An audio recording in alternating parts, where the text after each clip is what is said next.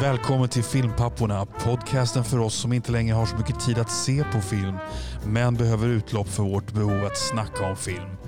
I detta snack kan spoilers förekomma för främst äldre filmer, men vi varnar alltid först. Podden är möjliggjord av den fantastiska redovisningsbyrån Ekonomihjälpen som ni kan läsa mer om på ekonomihjälpen.se. Och nu till Filmpapporna.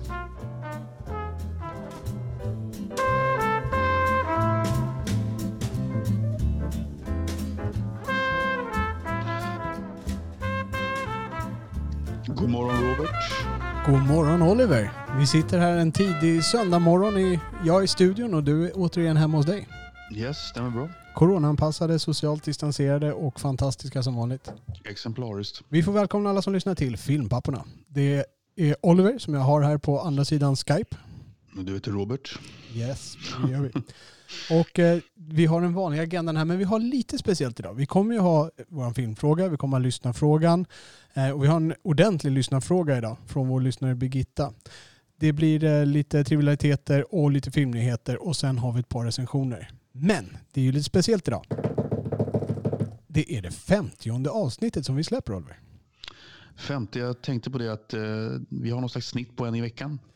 Ja, det, Vi så kan började för typ ett år sedan, drygt ett år sedan, så det är lite mindre än en i veckan. Men Exakt. ja, Vi fyllde ett år för en månad sedan ungefär. Jag tror att eh, vi släppte det första avsnittet den 29 mars, men vi spelade in det typ 8 mars. Men det, det tog ett tag att lära sig all vi släppte 8 redigering. april, ja, men då, då är det nästan ett år sedan det första släpptes menar du eller?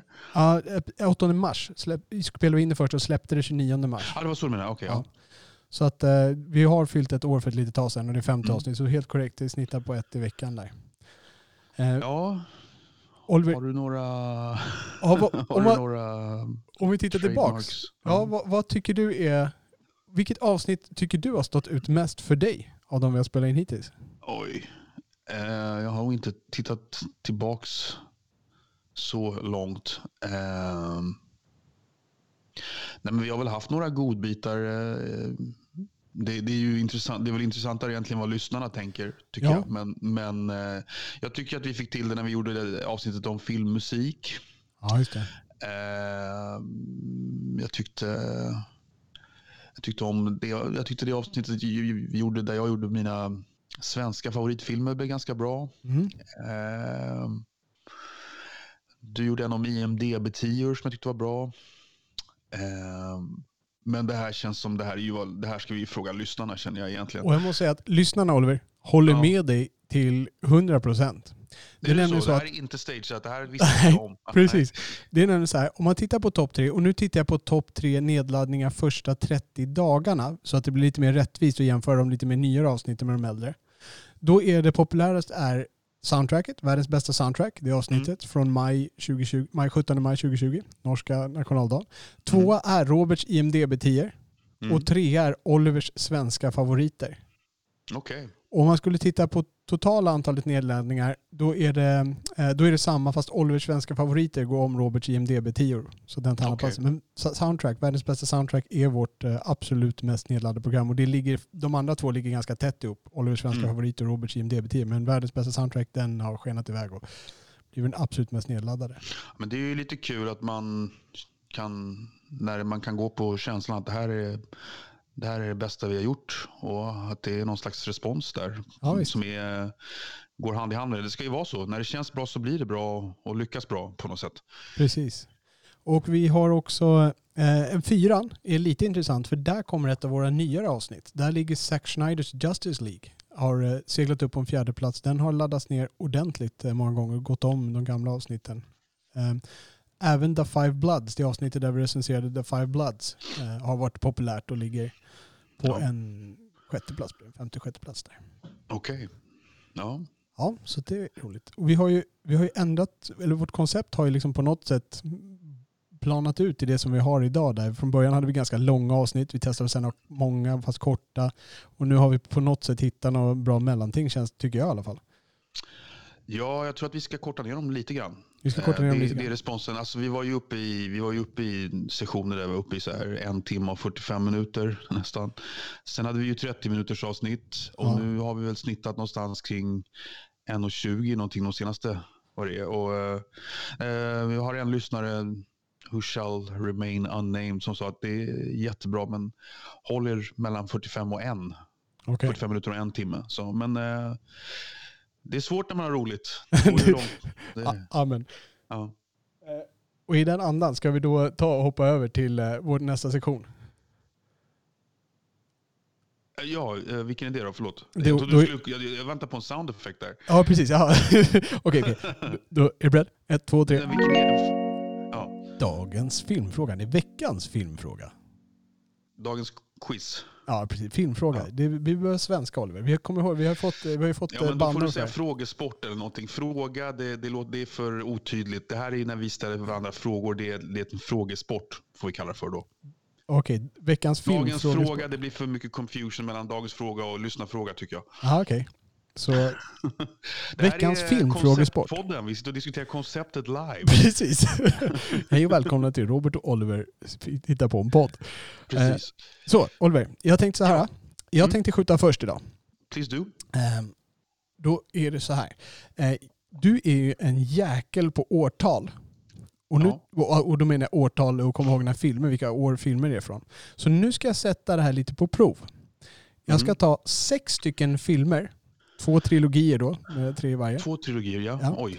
Och du ska få säga vilka år de här filmerna kom ut. Och nu tar jag filmer som inte är i ditt, i ditt julhus. Ja, Utan jag vet ju redan vad som kommer. Okej, du vet redan vad som kommer. Nej, men jag tänker mig, det blir väl Star Wars-trilogi och så blir det Sagan om ringen-trilogi. Helt korrekt Oliver, Yes. tack. Mm. Det är skönt att vara förutsägbar här. Ja. Eh, Jag, jag kan förutse filmer, du kan förutse mig. Det är bra. Då tar vi, vi börjar här då. Den första trilogin, då har vi Lord of the Rings. Det är alltså inte de här Hobbit-filmerna som kom nyligen, utan Lord of the Rings, Sagan om ringen, Sagan om två torn och Sagan om konungens återkomst. Okej. Oliver, vilka år kom de här tre filmerna ut? Alltså den första kom väl i, kom i slutet av 2001.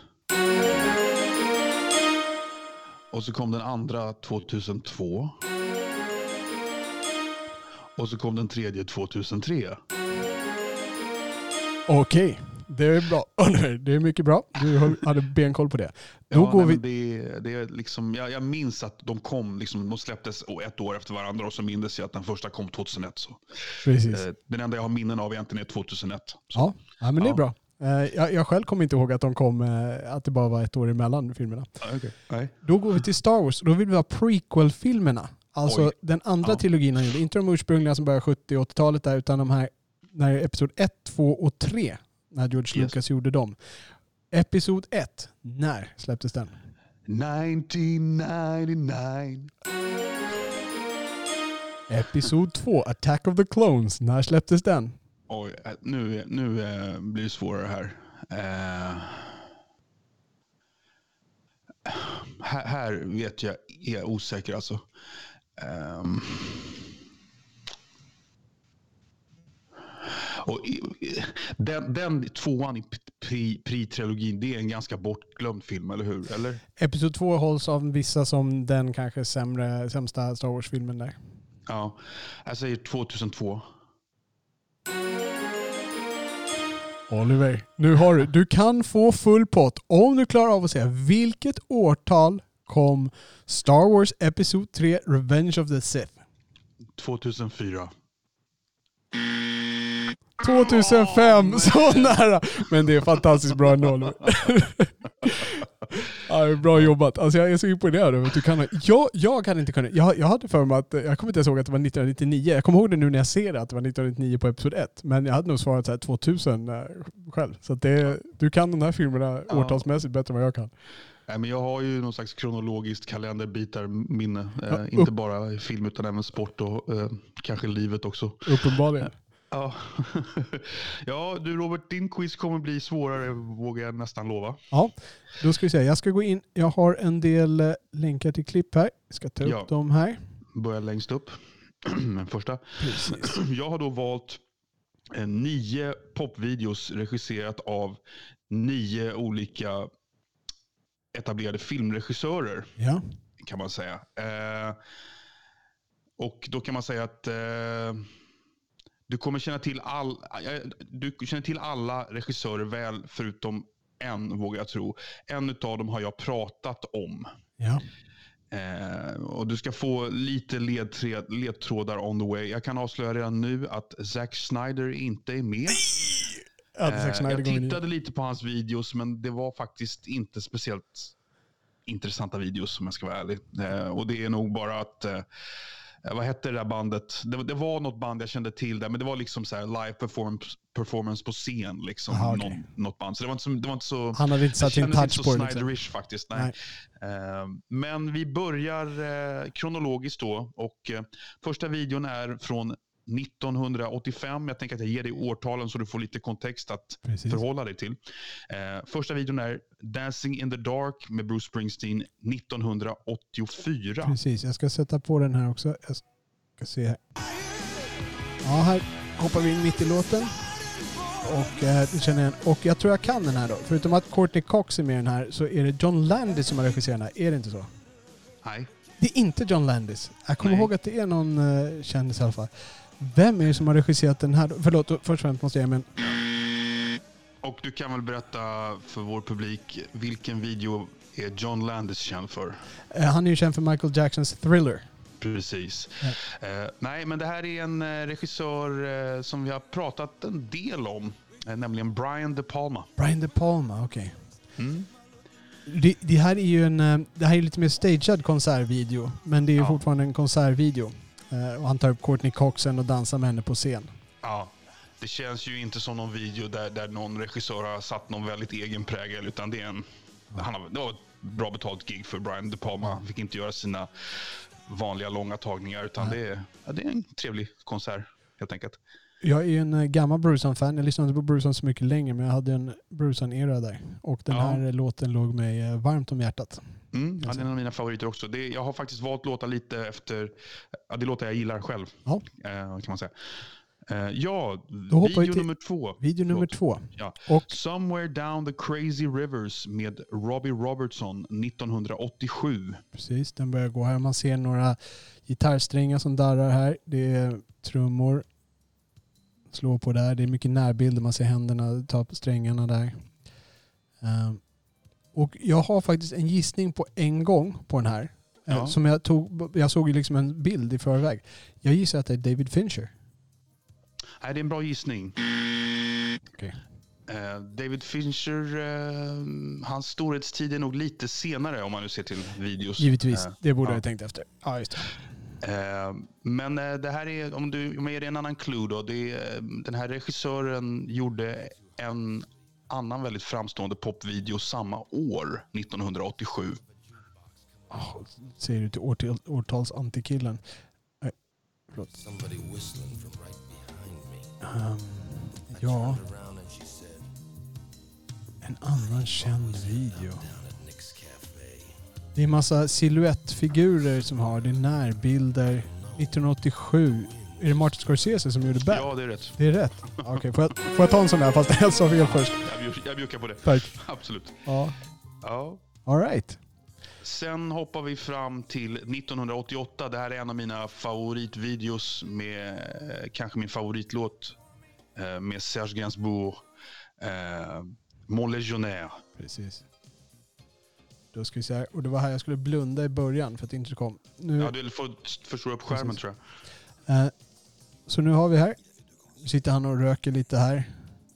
Förlåt, vilket årtal sa du var på den här? 88. Okej. Oj, oj.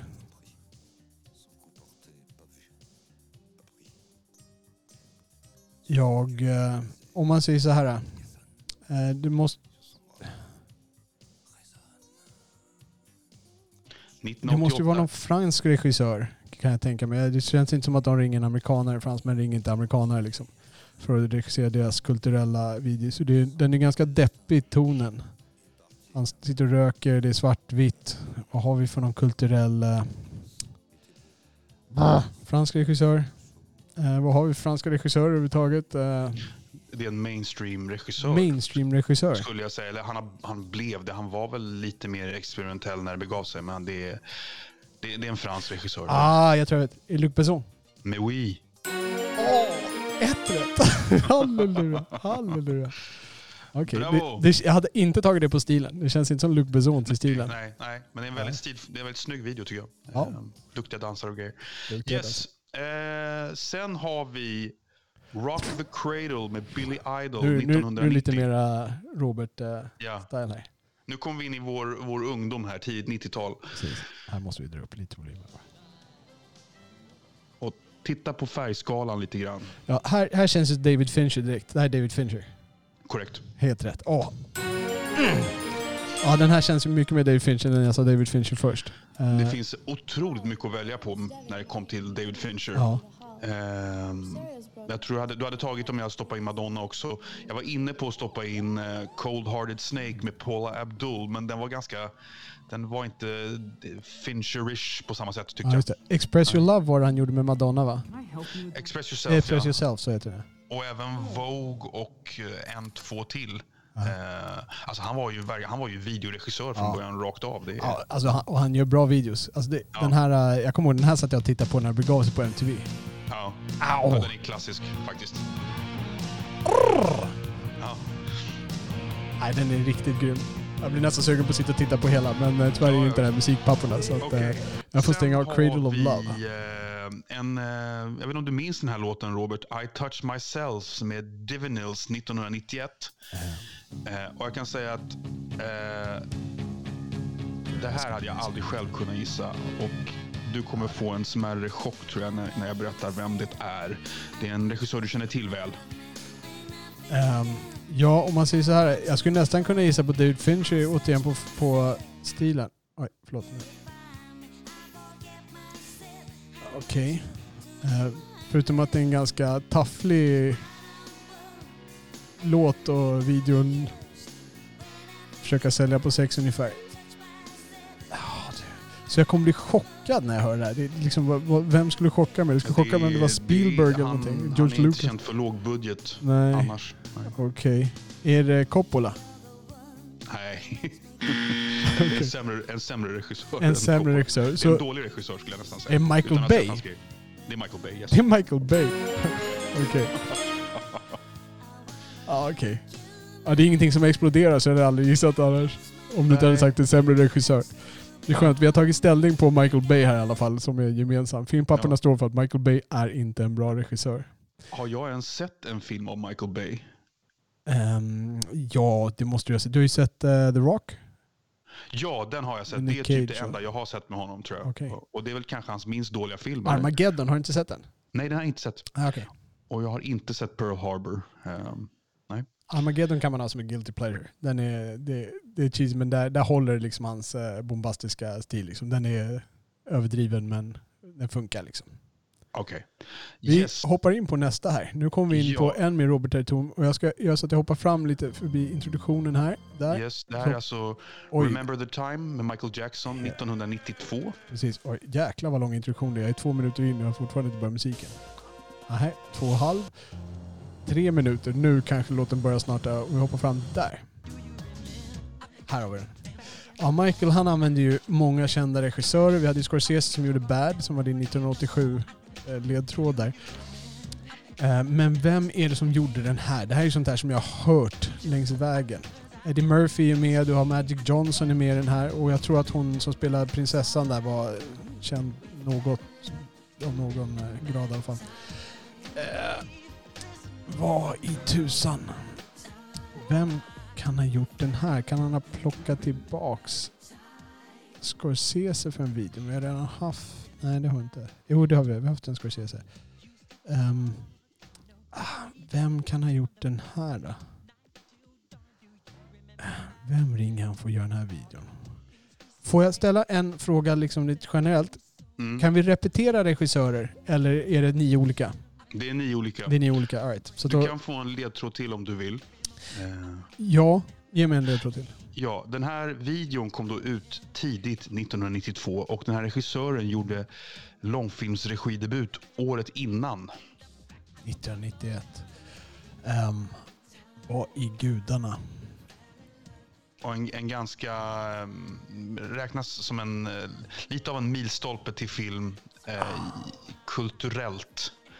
91 milstolpe kulturellt och Ja, hans debut. Du, och sen jag vet att det är en film du inte är, är så impad av. Jag gillar den. eh, men den är liksom, den är groundbreaking. Kan du säga en skådis i den filmen? Jag behöver nog den ledtråden.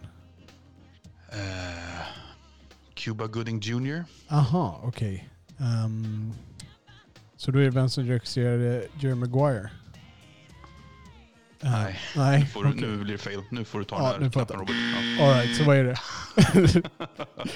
John Singleton. John Singleton som gjorde Boys in the Hood med, uh, med Cuba Gooding Jr. Precis. Ja, just det. Jaha, okej. Så, Ja. ja. Då släcker vi ner Michael där. Au! Ja, och sen eh, samma epok, samma år kommer ju Michaels stora eh, rival Prince med Money Don't Matter Tonight 1992. Och eh, då ska sägas att den versionen vi ska se här, det är den version, den version som liksom inte, mm, som var tänkt att bli eh, videon. Ja, men den var lite för kontroversiell så de ersatte med en mycket mer vanilla-flavored video där Prince bara uppträdde vid pianot. I den här videon här så uppträder inte Prince alls. Han syns inte alls i bild. nej, man ser bilder på liksom lite, ser ut som fattiga afroamerikaner i USA. Och som är arbetslösa och, och medan de vita delar på alla härligheter så sitter de svarta och drar det sista ur en stekpanna med bit bröd liksom. Ehm, och tar man in en sån här kontroversiell, det måste vara Spike Lee. Helt rätt. Åh! Den Yes, satt eh, baby. full träff där. Bra. Ehm, vi fortsätter lite på 90-talet och här kommer en regissör som jag, jag vet inte om du känner till honom. Eh, Jag kan säga att det är en eh, engelsman som var the shit på videos Ja. på 90-talet. Ehm, Virtual Insanity med Jamiroquai 1996. En riktigt bra musikvideo. Mm. Eh, sången är helt okej, men musikvideon är riktigt bra. Han, dansar ju runt i det här rummet där golvet rör sig och möblerna rör sig. I årets melodifestival var det faktiskt en som eh, härmade konceptet. Eh, min Ja. favorit, Dandy Dansa med vad heter han, Sucedo, Danny Sucedo. Mm. Och det var, jag, jag gillade verkligen det framförandet. De gjorde den liksom live på scen då. En sån här, när golvet rör sig liksom. Så det var bra gjort. Ehm, vem kan ha regisserat den här? Och du vet, jag kanske inte ens känner till regissören. Det kommer en fågel. Så att, betyder det att det är... Det var en Det är korp? inte John Woo, nej. Nej, precis. Det är en engelsman, regissör. En brittisk? Är det Ridley Scott? Nej, Nej, det hade jag känt nej. till förstås. Nej, jag, jag vet faktiskt inte. Jag har ingen bra gissning. Okej, ska du faila? Ja. Eh, mannen heter Jonathan Glazer. Jonathan Han- Glazer? Ja, han gjorde väldigt många framstående videos där i 90-talet, tidigt 2000-tal. Sen sadlade han om och gjorde, har gjort tre långfilmer. Han gjorde en film som heter Sexy Beast med Ben Kingsley och vad heter han, hårdingen, eh, Ray Winstone. Okej. Eh, sen har han gjort två filmer till. Han har gjort någon eh, ganska erkänd film med Scarlett Johansson, jag glömde bort vad han heter. Han, eh, han har inte jobbat utpräglat som långfilmsregissör i och med att det bara blivit tre filmer på 20-22 år. Men jag räknar ändå honom som en långfilmsregissör nu. Okej. Ja. Och sist då har vi då Kanye West med Flashing Lights. Och här ska jag säga för dig Robert, det här kom 2007, 2008 någonting. Eh, Och den här regissören, det här är nästan världens kändaste popvideoregissör. Och den här videon är väldigt olik hans stil i övrigt skulle jag säga. Oj, oj. Vem är världens mest kända popfilmsvideoregissör överhuvudtaget? Som också har gjort filmer då? Um, Han är väldigt kreddig på bägge fronter kan man säga. Okej. Och Steven den här är Spielberg. så bra. Förlåt, sa du att låten var bra eller inte så bra? Den är fett bra. Den är fett bra. Ja, det är, man ser en tjej gå från en bil här och det är, det är lite flashigt. eh, det är lite stylistic. Lång tagning. Ser ut som att hon håller på att strippa av sig allting här nu. Okej, nu står hon i bara underkläderna. Och så börjar Kanye West prata. Sen blurrar de någonting. Vad är, vad är det hon håller i lite handen? snusk där tror jag. Ja. Okej. Ha.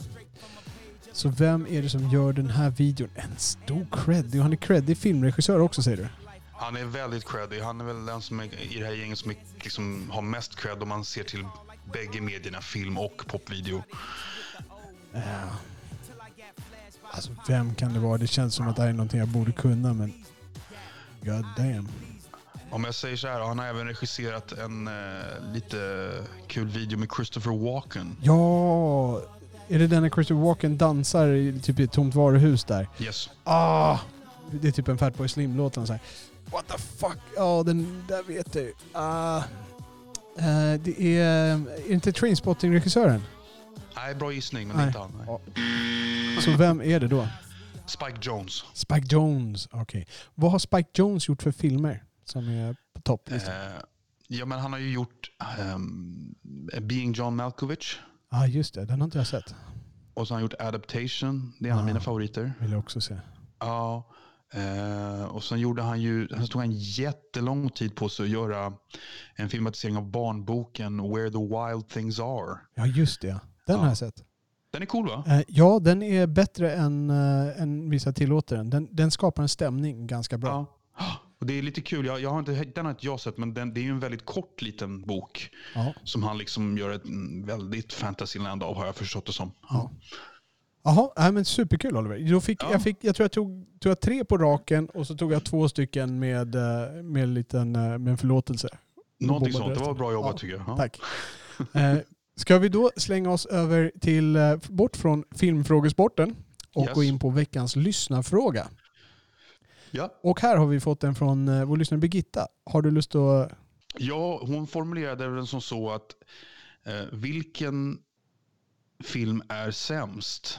Sökarna eller G som i gemenskap? Ja, just det. Och det här är alltså två, kan vi kalla dem kultklassiker? Svenska kultklassiker? Ja, och notera att hon frågar inte vilken som är bäst utan vilken som är sämst. Ja. För de här två filmerna, jag, jag hade inte sett eh, de här två, jag hade sett bitar av Sökarna när jag var yngre. Men jag Ja. kände att jag började se om den. Så jag har faktiskt sett om de här två filmerna. Eh, Jag har sett om Sökarna och jag har sett G som i gemenskap för första gången. Mm. Och jag har inte sett eh, någon av... Jag såg, jag såg G gemenskap eh, för första och enda gången för typ en tio år sedan. Ja. Eh, och Sökarna vet jag inte när jag såg senast. Det är säkert 20 år sedan. Ja. Så hur, hur, i vilket sammanhang ha- snubblade du över G som i gemenskap för tio år sedan? Ja, men den var ju, den var, det var ju en kultfilm och folk snackade om den. Och så tänkte jag så här, nej men fasken, jag, jag betar av den här. Jag tycker, jag tycker att det är ganska kul att kolla på gamla svenska kultfilmer. Mm. Jag tycker det är kul att plocka fram. Eh, och jag har inget minne av att den var så dålig faktiskt. Nej. Jag tyckte den var rätt charmig. Det var väl liksom ingen, ingen Fellini-epos, men, men den var väl bra. Den var väl okej. Ja. Ska vi berätta lite kort vad de två filmerna handlar om? Bara, Ja, kan vi göra. Ehm, sökarna då, det handlar om, eh, det är ju Liam Norberg som spelar en kille som kommer från ett väldigt trasigt hem och som kommer dras in i kriminalitet. Jag kommer inte ihåg hur han dras in i kriminaliteten.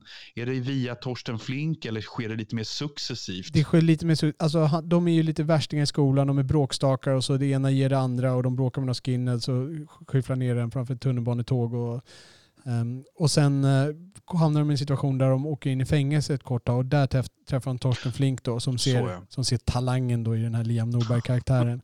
Och, vill, Ja. och de då tillsammans ska bli ett uh, brottspar. Och sen när, eh, när Liam, och Liam och Torsten de släpps i fängelse samtidigt har jag för mig. Och då möts Mm. de av Ray Jones karaktär. Han den svarta killen. Ja, lite grann så. Torsten Flink är släppt tidigare för han, Ray Jones karaktär och Torsten Flinks karaktär, de kommer för att hämta upp, båda kommer för att hämta upp Liam Norbergs karaktär. Ja, det är så det är. Okej. Men Och- Ray Jones kommer i någon skuttig bil som inte vill starta och eh, Torsten Flink kommer i en Merca liksom som bara Just brummar. det. Just det. Och jag minns inte mycket av handlingen. Jag minns att, att de, här, de har några kompisar från förr. Eh, En, en av Liams polare dör genom att hoppa från Katarina-hissen. Eller Ja, de blir blir nedslängd. nedkastade av några, av eh, några skinheads. Eh, Ja. Någonting som aldrig liksom, man förväntar sig att det kanske ska adresseras sen, att de får reda på att det var den här som gjorde det och då ska de hämnas på honom. Men det, det blir inte adresserat mer än så liksom. Nej, och ehm, han som spelar alltså Jonas Karlsson har blivit pundare. Ja, exakt. Han har, de alla knarkar ju lite grann, men Jonas Karlsson han har, blivit, han har gått ner så rejält. Liksom. Ja. Och eh, ja, sen är det väl en, och sen träffar Liam Norberg någon, någon pangbrud på vägen vars bror är skinhead har jag för mig. Ja, helt korrekt.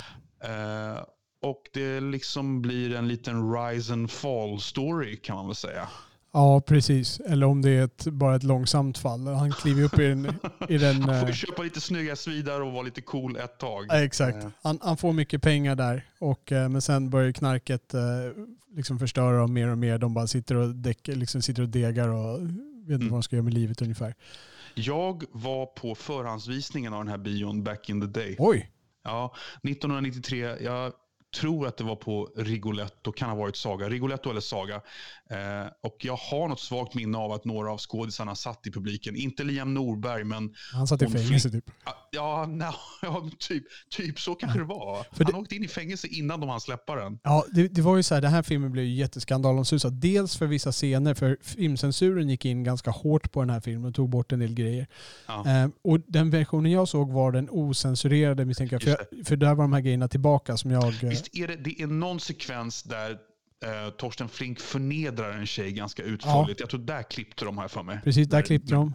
Det är Ja. när eh, Liam Norberg skallar en kille och sen är det när de sparkar på någon som ligger på marken. Jag kommer ihåg att Ja. jag läste mycket om det där när det begav sig. Ja. Eh, Men just Liam Norberg, han var ju kriminell i verkligheten. Och eh, han åkte ju fast för ett mordförsök och rån i Göteborg. Bankrona. Ja. Ja, och det här hände 1991.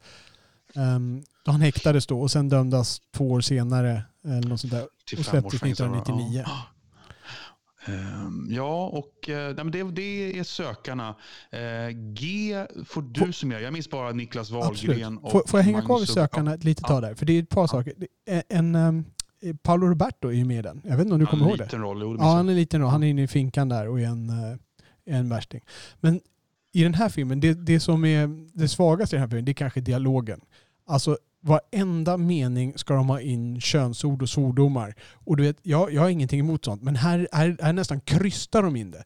Liksom, det går inte, dialog, all dialog är att kalla någon hora ungefär, i någon Ja. bemärkelse. Eh, det är det enda folk det, säger till varandra. Är det det som är mest bristande? Jag, vet, jag minns att det var då, då, den är dåligt regisserad, den är dåligt agerad. Det mesta är ju dåligt. Ja, och jag håller med dig. Det mesta är dåligt, men man ser intentionen i det mesta. Man ser intentionen i regin, men det är inte bra utfört. Nej. Man ser intentionen i, i agerandet, men det är inte bra utfört. Men dialogen, där är vad fan, vad är det de har försökt där? Där har de liksom inte Men- tänkt till. Men det finns en väldigt bra one-liner i den. Berätta. Han är lugn sa jag. Ja, just det. Ja, just det. ja. Ja, men, och sen är det så här konstig dialog också. Det, det finns ju en scen som ska vara lite så här äh, när William Norberg han har haft en tuff barndom. Eh, och den här filmen går ut ungefär på, det, det står någonstans moral i slutet där liksom att eh, inga barn börjar dåliga. Det, det beror på deras miljö ungefär. Ja. Men du, bara en liten grej. Du, du har sett den här filmen ganska färskt. ja.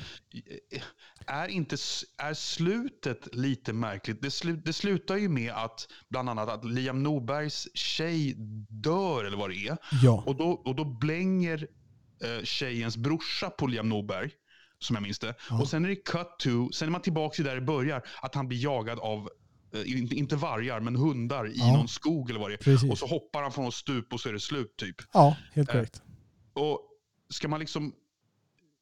Är, är det förloppet liksom logiskt? Är, liksom, Okej, är det polisen som jagar honom med, med hundar plötsligt? För att han Hund, har... Hundarna är inte logiska. Var Nej. kommer hundarna in i bilden? För att i, man märker inte att det kommer några poliser där eh, överhuvudtaget. Utan eh, han, liksom, han skjuter, eh, han, det, är, det är en uppgörelse där. Liksom, Torsten Flink står där och, och håller den här tjejen då med, med pistolen Ja. mot huvudet. Och, och så blir det lite komplikationer. De hoppar där och så ska han skjuta Torsten Flink men då råkar han skjuta sin egen tjej.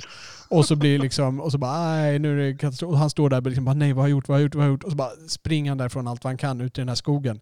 Mm. Och då kommer det bara ett par hundar och jagar honom. Och så, som sagt klipper den precis när han hoppar från den här klippan. Och... Men Torsten Flink dör inte i den här filmen, eller? Torsten Flink dör, jo. Han blir påkörd av ett tåg. Okej, ja. Eh, Det ska vara en sån här riktigt grym Hollywood-död. När han bara ligger och skriker medan tåget kommer. Så här, jag ligger och skriker i tio sekunder istället för bara rulla åt sidan. Okej.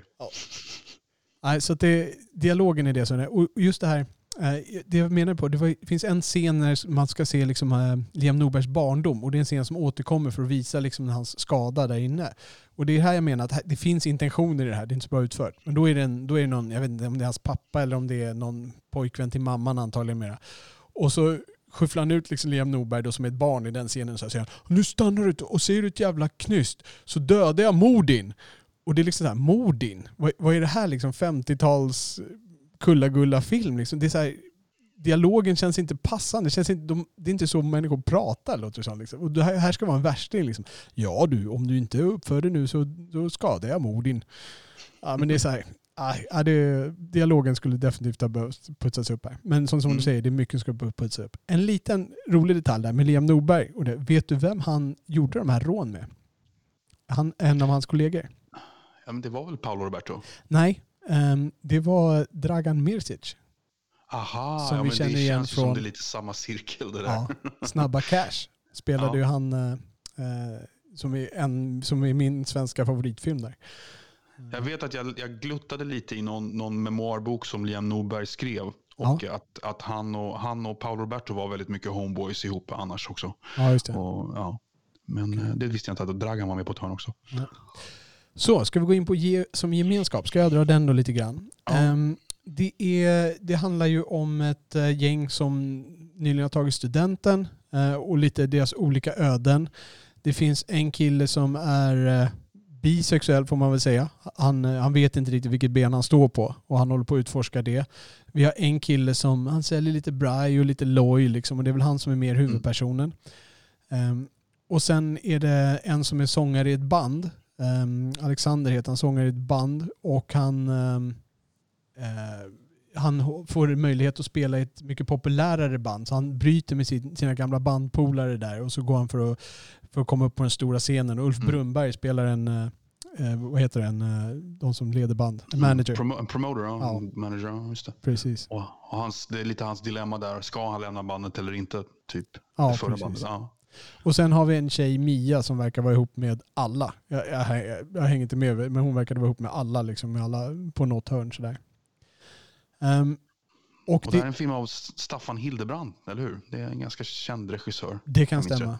Ehm, Från vilket år? 86, 85, 84 någonting där det kan nog stämma. Ja. Och, och vi, ehm, det finns ju en musikkändis med i den här. Svensk musikkändis, vem är det? Eh, Magnus Uggla? Ja. Och jag, Ja. jag måste säga, jag såg att han var med i filmen, men jag, jag, det tog inte förrän i slutet av filmen så hajade vem som var Magnus Uggla. För han, han är sig inte lik. Jag är ju van vid den gamla Magnus Uggla. Jag har inte sett Magnus Uggla i hans unga dagar så mycket.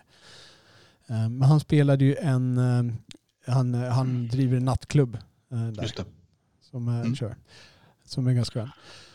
Ja, så, så där är. Och det är de här ödena. Det är lite, de ödena går där. De, är, de hänger ihop, de känner ju varandra och de korsas lite grann. Men det är, det är de där olika historierna som Mm. utspelar sig under det här. Jag minns det här som en film med, med lite hjärta och charm och jag minns att eh, det är någon bada naken-sekvens. Va? Ja. Han, ja. Jag, jag har ingenting emot den här filmen faktiskt. Nej. Om man säger, den är ju inte, precis som Sökarna så kan man ju inte säga att det här är något, något filmgenialiskt hantverk. Men Nej. jag tycker att den skapar, precis som du säger, så skapar den en ganska skön stämning. Alltså det, det blir en liksom nostalgi. Ja, jag vet inte hur mycket av det här som ligger i att du och jag växte upp i det här och kan relatera till det här. Eh, Fast det här är ju, ja, fast det här är ju, det här är ju, ja, det här är ju när vi är sju åtta år. Det här är ju inte när vi är tonåringar. direkt. Nej, jag förstår. Men vi, jag tror vi, det är närmare för oss att relatera till deras verklighet som, som eh, tonåringar och jämföra den med våran upplevelse som tonåring än dagens tonåringar med sociala medier och sådär. Jag tror att det är Ja, ganska ja. stor skillnad. Så det är en sak. En annan sak är att vi ser Stockholm på 80-talet liksom. Eh, Mm. Och det är mycket nostalgi i miljön, i, i kläderna, i, i, liksom i människorna runt omkring. Det är inte bara just ålderskategorin. Nej. Får jag Ja. trafikera in en liten eh, Möttelassi, eller vad man ska kalla det för, liten inte. Han som har regisserat eh, G för gemenskap, Mm. han har ju även regisserat Stockholms natt. Ja, just det. Där Paolo Paolo Roberto har huvudrollen. Så att det finns en, om man då ser att Paolo Roberto även är med i eh, Sökarna. Och, eh, jag tänker mig att det finns säkert några skådisar som man, liksom, man kan ta, binda ihop mellan de här två filmerna via, för, via Stockholms natt. Så att säga. Ehm, Får ja, jag, det skulle inte förvåna mig om Liam Norberg har någon liten skitroll även i Stockholms natt. Jag vet inte. skulle han stå ut med att få spö av Paolo Roberto? Det tror jag inte, men han spöar säkert någon annan. Paolo Roberto spöar ju honom där innan Torsten Frings karaktär går in och avbryter och säger att låt han vara. Liksom. Okej. Så. Ja, ja, men de var ju duktiga eh, kampsportare bägge två. Ja. Ehm, Får jag själv ta en liten, eh, eh, liten Lassie? Ja. ja, Det är nämligen du. så här, Alexander som spelar eh, eh, sångare i det här bandet. Han som då lämnar sina polare och vill åka med Ulf Brunnberg istället och spela på stora scener. Han är spelad av Joakim Schröder. Eh, och Okej. Joakim Schröder, är, jag gick in och tittade på honom, han har inte så mycket eh, på sin resumé. Nej. Men han har en film som heter Threads of Destiny. Star Wars Threads of Destiny. Och du Mhm. undrar vad är det här? Det här har du aldrig hört talas om. Och det är för att det här är en fanfiction som det kallas. Det är alltså fans till Star Wars som gör en helt egen film. Liksom. Aha, vad kul. Och den person som har gjort det här är Rasmus Tirsitis. Som jag har spelat teater med eh, ganska länge. Så att jag, eh, jag, har, jag har mött Lasse... Jag, jag rör på dig via, via datorn här. Tack, tack. Skype touch. eh, och jag, jag kan rekommendera, Rasmus är en, eh, en hyfsat skicklig regissör för att få vara hobbyregissör där. Så jag Ja. lägger upp en länk till den här filmen. Jag tror att hela filmen finns på Threads eller finns på YouTube, men annat lägger upp en länk till, eh, eh, till en trailer och sådär. Jag vet att det finns material på YouTube i alla fall. Eh, så att ni kan kika på det. Jag kan rekommendera den. Är ni lite Star Wars-fan så gå in och kika på den här Threads of Destiny. Det är, det är okej fanfiction. Mm. Och eh, en stor eloge till Rasmus som är, eh, som är skicklig. Men jag har spelat Peter Pan med honom, han har regisserat mig i teater också och så vidare. Så Men, eh, ja. det något låter på vår dialog som att vi kanske har kommit fram till vilken som är sämst av de här två. Ja, jag tycker vi har en given vinnare i vem som är sämst. Ja. Eh, jag tycker ganska mycket om gemenskap som jag minns den. Så. Och vad är det som gör att vi tycker sökarna är där? Om man, tittar bara på, om man skulle bara se på hantverket, är det fortfarande eh, sökarna Ja, som är men- sämsta? Ja, men, ah, alltså, mm. jag, vet inte ibland om man faktiskt, om man eller jag, att man lite grann det här snackar om det här eh, nostalgifaktorn kickar in. Eller att man liksom har lite lägre krav ju äldre en film är. Mm. Att man liksom kan ha lite överseende med grejer. Men jag har liksom inget minne av att jag tyckte G var så, så dålig. Liksom. Jag, tyckte, Nej. jag minns bara att den var en charmig rulle med en, en ganska enkel story. Jag, hade, jag, hade, jag, jag, jag har inga större invändningar eh, till den filmen faktiskt. Jag, jag, har in, jag har det är lite så här aparta musikinslag finns det med den, men de fungerar ändå tonmässigt. Det, är så här, Ja. det, det kommer in så här video bara så är det typ så en freestyle-video mitt i alltihopa som Mm. typ inte har med någonting att göra. Jag för mig att är inte Olle Ljungströms band Reeperbahn med? Det är, mycket, tror- det är mycket möjligt att de är. Jag känner Mm. jag är inte så bra på den här. För det, det kommer in lite så här, det känns som att det är svenska eh, liksom, kändisar där. Freestyle Mm. hade vi inte slagit igenom så mycket då ännu. Men det var de jag kände igen. Men jag vet att sökarna, när jag såg om den, så Mm. tänkte jag, det, det jag märkte mest var att det här är liksom det är taffligt regisserat och han Ja. regissören har gjort en och annan bra film sedan dess, Daniel Fridell. Ja. Eh, men eh, Men som sagt, det, det finns ju intentioner. De försöker, Han försöker liksom visa den här äh, barndomen och skildra den här. Och de har någon konstig scen i början av sökarna när de, när de ligger på något så här konstigt ljus så att allting blir så här vitt och det, det är en bebis Mm. som ligger i soporna och en tant som får hjärtinfarkt och dör. Och liksom, ja, och det, det, det är lite konstnärligt. Jag, det känns som jag förstår vilken känsla de försöker förmedla Ja. men det lyckas liksom inte. nej. Sen- Ska man ge dem lite cred för att de vågade vara så vågade ändå? Att de liksom visade så mycket filth på något sätt? Jag, jag tycker det. Alltså, för jag, jag tycker att intentionen finns där. Det är, det är leveransen som inte håller hela vägen. Det, det känns som att det här var första försöket. Hade de fått göra det här liksom fem, tio gånger till så hade det nog funnits en riktigt bra film där. Ja. Eller en Du- mer meningsfull film. Eller Jag har ju sett även Sökarna 2 och de heter ju inte Sökarna 2 och 3 men det finns ju två uppföljare. Ja, jag, jag läste det. Jag, jag tror de Eh. bara gjorde en uppföljare, men de gjorde två alltså. De gjorde faktiskt två och jag har sett bägge. Ja.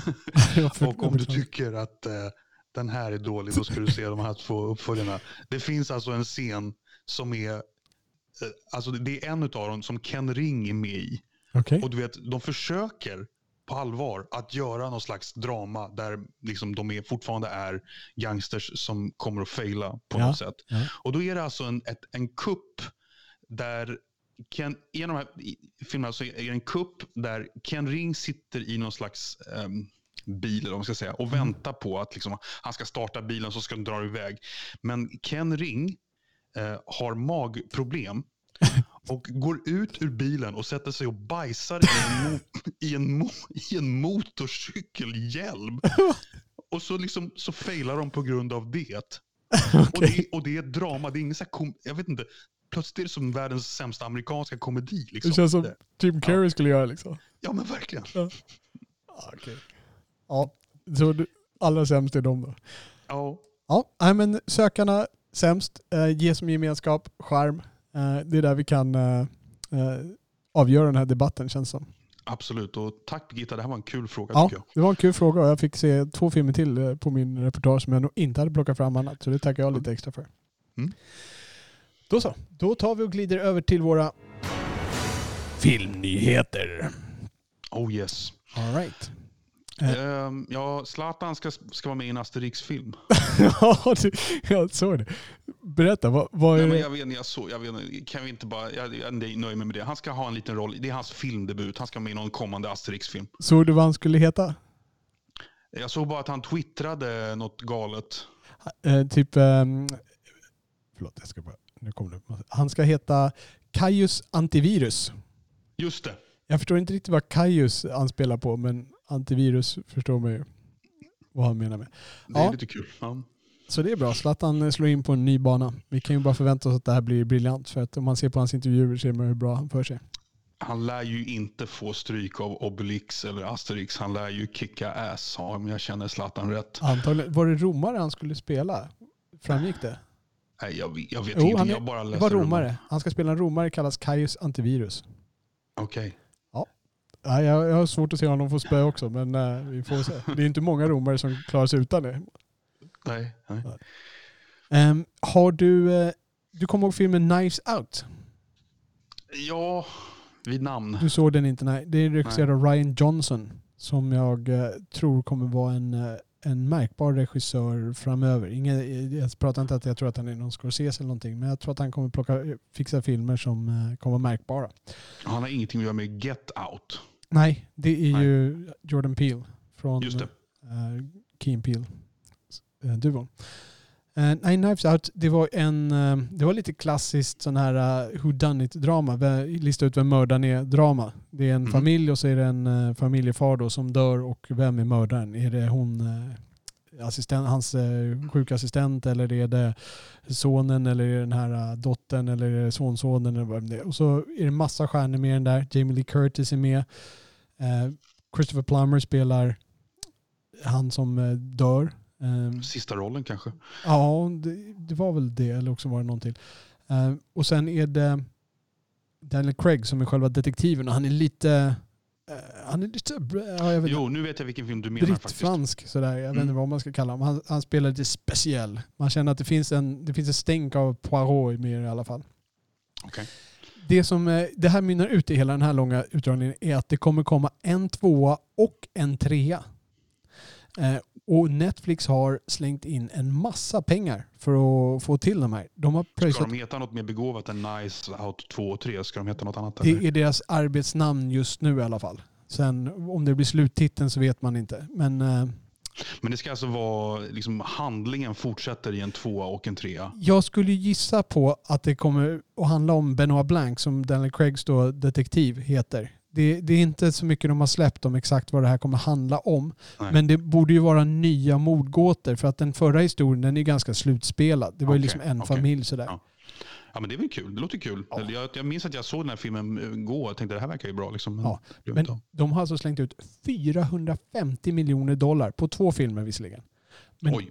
det här Mm. pratar vi liksom eh, superhjältefilmsbudgetar. Det är, det är rejält med flis eh, på de här filmerna. Och jag misstänker att det mesta i de här filmerna går ju till löner. För att de tar in många skådisar liksom av, av dignitet. Om man tittar på Knives Out 1 i alla fall. Jag undrar vad Daniel Craig har för gage these days. Han måste väl vara ganska välbetald.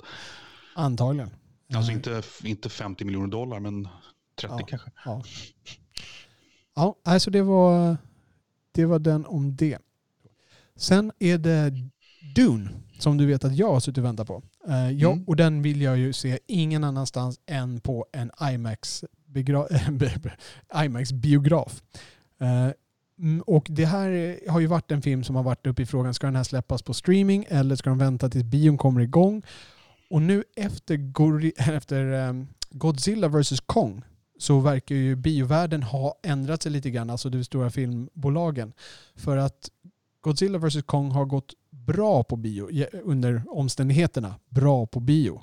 Och nu är det ju flera bolag som har lagt upp, Warner Brothers har lagt upp flera filmer på en premiärlista nu. Det känns som att de börjar våga släppa lite mer på bio. Och eh, Dune kan nu också få en eh, ordentligt biosläpp. Eh, diskuteras det här. Så att det ger mig hopp i alla fall. Det här är ju dock amerikansk dialog. Jag vet inte hur mycket det här slår igenom i Sverige. Som vi berättade i förra veckans nyheter så har ju de nya restriktionerna lagt till att vi, eh, vi antagligen inte kommer att ha bion öppen på åtminstone en eh, månad till. eh, Innan vi får någon öppning. Så att vi får se vad det betyder för Sverige men jag räknar nästan med att den här filmen kommer komma på, jag kommer kunna se den här på en IMAX precis som jag har önskat mig. DMX har dött. Ja, har det Jag har ingen förhållande till honom egentligen som rapper eller skådis. Jag läste att han, Mother of Christ, vilket hårt liv han verkar ha levt. Ja, jag hade ingen aning om att det var så- mycket tuffheter men eh, ja det är hårt. Är det här en person som man, han har fått ganska mycket hyllningar, är det en person man ska hylla? Inom hiphop tror jag det. Okej. Ehm, det tror jag. Jag tror att han, liksom, både för att han lät hård och för att han faktiskt var hård. Eh, men jag, jag, jag ska inte uttala mig. Eh, Det, det jag förknippar med DMX, Ja, det, då minns jag att det var en eh, Video Music Awards eh, på MTV cirka 2003 som Chris Rock hostade i. Hostade. Ja. Och då pratade han om eh, Ashton Kutchers program som hette Punked. Att, att Ashton Kutcher bara pu- punkade massa mesiga människor i stil med Justin Timberlake. Och att han hade velat se eh, Ashton Kutcher punka DMX. Ja, okej. Eh, och då hade, det var någonting med Hey DMX, you just been punked. Yeah, you just been stabbed. Okej. Så DMX hade, han var stenhård liksom. Ja. Kan du, kan du Och då, nämna... och då minns jag att DMX satt i publiken och flinade åt det hela också. Ja, okej. Kan du nämna en enda film med DMX? Eh, en med Alia va? Eh, Romeo Must Die. Ja, just det. Mycket bra. det. Ja. Eh, jag, kan, jag kan bara Exit Wounds eh, med eh, Steven Seagal. Okej, Fan, så det- var riktigt fina filmer han Ja, ja, ja, alltså. det var bara hög kvalitet där. Steven Seagal är ju, för de som inte vet, är det en av mina favoritpersoner att eh, hacka ner på. Eh, där. Jag kan sitta och avnjuta så dåliga scener i dåliga Steven Seagal-filmer. Har Steven Seagal någonsin fått stryk i en film? Jag tror inte han har fått en smäll någon gång. Jo, det, det har han. han eh, det, det hände, I hans tidigare filmer var det lite mer vanligt, men det var ju så här, jag kommer ihåg jag såg vad heter den? Under Siege 2. Jag, tror att, jag Ja. undrar om han får en enda smäll i hela filmen. Du vet, han går bara in och bara desarmerar, dödar alla. Liksom. Han får inte en... Sin stillsamma aikido och så här lugnt. Liksom. Ja, precis.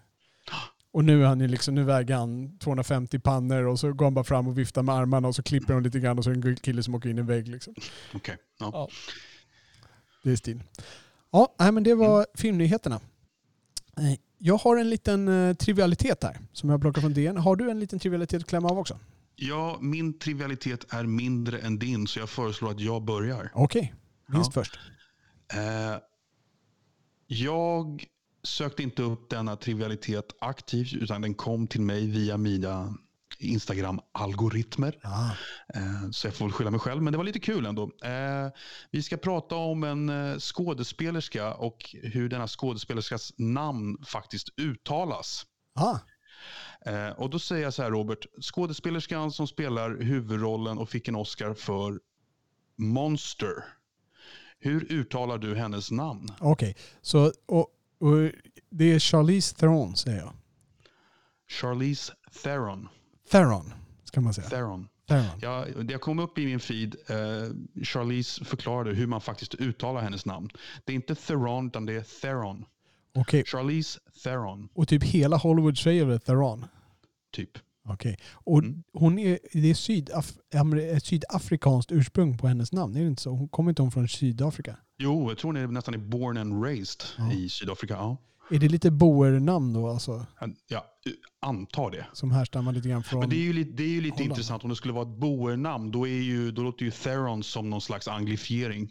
Teron eller något Ja, skulle jag säga. Precis. Men jag vet inte. Det här är i alla fall så man ska uttala det enligt Charlize Theron. Theron. Okej. Theron. Undrar om jag någonsin kommer lära mig det. Det blir stor omvändning.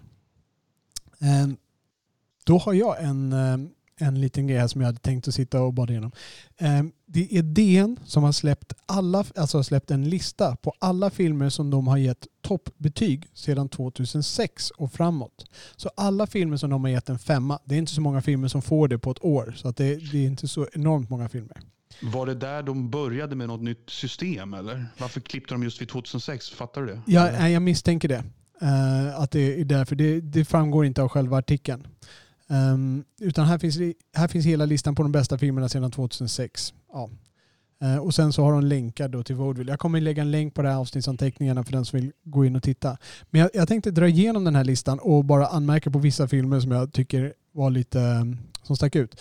Eh, uh, 2006 hade vi Direktören för det hela med Lars von Trier. Sen The Queen av Stephen Frears. 2007 I'm Not There av Todd Haynes. No Country for Old Men, väntad, eh, Coen Brothers.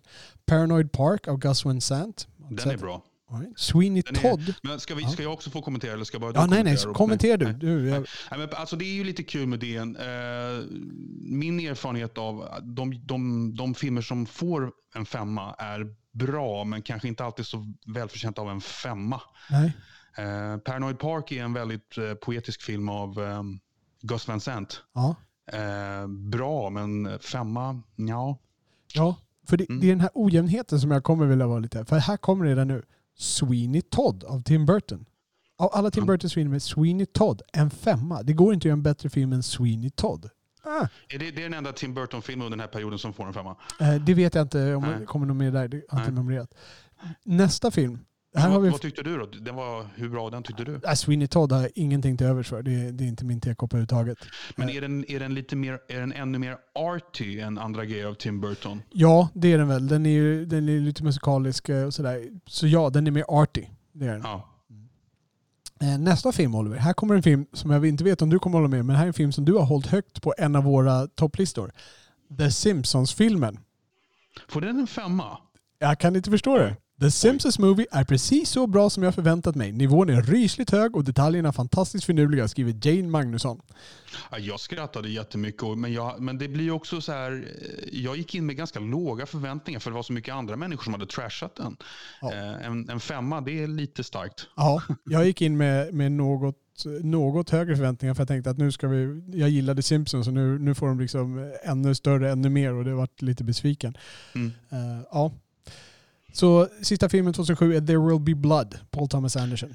Och det är ju en väldigt hyllad film som Ja. jag tycker om, men jag förstår inte riktigt varför den är så hyllad. Jag vet att Tarantino tycker att den är mästerlig. Återigen denna Tarantino. Ja. Eh, och eh, den brukar ratas som en av de bästa filmerna från förra årtiondet. Ja. Vad tycker du om den? Jag, jag, jag tycker att det är en jättebra film. Jag skulle inte sätta en femma på den men av personliga skäl. Det är inte riktigt min tekopp. Det är en ganska deppig historia och sådär men den, den är mästerligt utförd. Eh, Ja. tonen, eh, skådespeleriet. ehm, eh, det, den är mästerligt utförd. En femma Okej. på utförandet skulle jag ge. Ja. Sen är det inte min tekopp. Sen 2008, De ofrivilliga av Ruben Östlund. Den är Den- bra. Men det, det, ja, men jag märker att det är en viss sorts arty style som de lyfter. Ja, blandat med eh, The Simpsons. Hittills i alla fall. Sen Mm. Mellan väggarna av Laurent Canté. Den är skitdålig. Den är skitdålig. Ja, men den gick jag och såg bara wow. Den, den fick, jag tror den fick toppbetyg även i Svenska Dagbladet. Den gick jag och såg. Eh, den, är, den är riktigt, riktigt dålig tycker jag. Okej. Ja. Sen Still Walking av Hirokatsu Korida. Där har vi en film jag inte känner till. Sen har vi en film, om vi hoppar in på 2009, så har vi en film som du har rekommenderat nyligen. Apan. Eh, apan. Ja, jo men det, det är lite så här. Jag vet, den har fått en fem av DN. Jag tänkte därför ska jag se den. Men jag vet inte. Nästa Jag vet att det film... kommer en, en Ja. svensk film till här som får en femma någonstans. Ah, Okej. Eh, vilken är det då? Säg i förväg. Man tänker sitt. Okej, då ska vi se om den dyker. Vilket Mm. år? Ja, just det. Det är det året ja. Det är helt korrekt. Det är, det är en film däremellan. Men sen kommer Man tänker sitt. Den ligger med där. Men Eh, vad var mellan då först? det, som, det, det här är nog det konstigaste valet på hela den listan. Drag Me To Hell av Sam Raimi. Drag Me To Hell, för det första är det här en uh, skräckfilm. Ehm, och det handlar om en tjej som eh, hon går och hon är elak mot någon tant och den här tanten lägger en förbannelse på henne och då börjar allting gå åt helvete för henne. Liksom. Eh, bokstavligt talat till slut. Eh, och sen, eh, eh, alltså jag, jag, jag gick och såg den här på bio, den var ganska hypad. Men jag tyckte den var så Alltså det finns ingenting i den här filmen som lyfter den över andra skräckfilmer. Det är precis samma koncept, de maler igenom precis samma skit. Ingenting överraskande, ingenting är där. Hur fan... Finns det någonting lite mer pretentiöst och arty återigen? Nej, det gör inte det. det om man säger så här den kanske är mer välputsad, den kanske är lite mer välregisserad än gemene film. Men jag menar de flesta skräckfilmer idag håller hyfsat hög kvalitet. Det här, då, nu är vi tillbaka några år i tiden, men nej, det, det finns ingenting. Alltså en trea på den här, då sträcker jag mig. En fyra, då är du galen. Sätter du en femma på den här filmen, vad har du tagit för någonting? Alltså satt du och trippade med den såg den. Så, Men tror du att de här DN-recensenterna, eller, eller recensenten i fråga kanske, eh, de är mindre vana skräcktittare än du? Kan det spela in? Jag tror att det här är gjort av en person som vill ha eh, eller som vill vara lite kontroversiell. Det är Fredrik Strage som har gjort den här. Fredrik Strage Ah, brukar slänga upp lite sådana här eh, kontroversiella åsikter. Fast de är Mm. lite ofarliga kontroversiella åsikter kan man säga. Han skrev så här. Helvete tur och tur. Regissören Sam Raimi som gjorde 80-talsklassikern Evil Dead är tillbaka i skräckfacket och Fredrik Strage jublar åt hans återkomst. Ja, det låter som någonting som Fredrik Strage skulle kunna jubla åt. Han gillar ju när eh, gamla hårdrocksband gör reunions också. Och så där. Han skriver väldigt kul, men han har ju lite, han har väldigt nördig approach ofta. Ja. Vi skippar vidare. Vi hade Man tänker sitt som du eh, företrodde. Och vet du vad roligt är? Den gick jag och såg ihop med din ex-flickvän och några till. Eh, Helena. Och, ehm, jag minns att den var bra, men den var väldigt, väldigt långsam och ganska pretentiös. Och jag, jag, jag, tyckte den var, jag tyckte den var bra, men ingen femma. Eh, men jag minns att Helena tyckte den var skitdålig. Okej. Ja. Ja, Helena har lite specifik eh, filmsmak där. Hon vill Ja. hellre ha lite mera... Eh, Romcom. Ja, lite mer romcom, ja, precis. Ja. Sen har vi en film som heter White Material av Claire, Dane, Claire Denise. Ska jag säga. Inte så att det blir Och Claire den Dane. ligger på SVT Play såg jag. Den har jag tänkt se. Ja, okej. Ja. Dogtooth vet jag inte vad det är. En grekisk film. Yorgos Lanthimos. Då, sen går vi till 2010 där. Kan du gissa någon film från 2010? Jag vet inte, Hurt Locker? Nej. Black Swan fick en femma. Ja, den är överskattad. Den tycker jag är riktigt överskattad. Det är en Ja. riktigt pretentiös film tycker jag. Man måste se den för att se hur pretentiöst det är. Ja. Men den är, alltså, hon är jättebra, Natalie Portman, men det, det, är, det är så pretentiöst och det är så givet i hur det är pretentiöst. Ja. tycker jag. Men jag är ganska ensam. Jag vet att hela Sverige tyckte att den var bra på Ja, något sätt. Ja, jag vill ju se den i alla fall för jag vet att den, eh, det är många stycken om den. Sen har vi Gudar och människor av Xavier Beauvoir. Vi har. Inside Job av Charles Ferguson. Kommer du ihåg Inside Job? Ja, nu, men nu är vi inne på så här, ja, var, vilka skulle jag ge en femma? Det, det tyckte jag var en jättebra film. Och det, Eh, men jag är ju liksom ingen finanskunnig människa. Jag tyckte den var väldigt välberättad. Det är mycket möjligt att jag skulle flina lite åt den idag, men när det begav tyckte jag den var riktigt bra. vilken är Inside Job? Alltså, jag har svårt Det är en, en eh, dokumentärfilm om finanskrisen eh, som är, det är en berättarröst av Matt Damon. Jaha, okej, okej, då vet jag vilken. Eh, Ja, just det. Ja, nej, men en va- varenda, varenda banker på Wall Street får sig en känga i princip. Ja. Och det är några människor som de drar ner byxorna på rejält där. Den var bra. Precis. Sista då på 2010 var Winter's Bone. Ja, den är överskattad. Det håller jag med om. Har du sett den? Den det är alltså Jennifer Lawrence lilla genombrottsfilm. Ja, precis. Det kommer jag ihåg det som. Ja, den är bra, men inte en femma. Det är mer apor om vi går till 2011. Då är det apflickorna. Så inte apan utan apflickorna. Ja, just det. Och min- Min efternamnnamne Helena Lindblad hade gett den en femma. Lisa Aschan, regissör. Ja, shit vad du kan. Ja, men jag minns den här, men jag, jag har inte sett den. Nej. Han tror han är bäst av Maria Kulberg. Det är lite kul när det kommer upp en och annan film som jag inte känner till. Den där har jag aldrig hört talas om. Faktiskt. En livslång hatrelation mellan två italiensk-svenska bröder har blivit maktlöst stark och laddad dokumentär. Men jag måste också säga en grej. Att jag, jag undrar ju ibland när det kommer till ehm, när svenska tidningar ska betygsätta slash eh, kritisera svensk film. Att de lägger ribban lite lägre. Ja, absolut. Eh, Det, det, det tror jag absolut det. Man ska hitta x antal internationella femmor och x antal svenska femmor. Så att det blir en obalans liksom, kan jag känna som. Det, det är den känslan jag får i alla fall när man tittar på det här. Eh, Nader Simin, En separation. Eh, och sen Play av Ruben Östlund. Oj, vad den är överskattad. Den, den, den skulle jag typ ge en tvåa.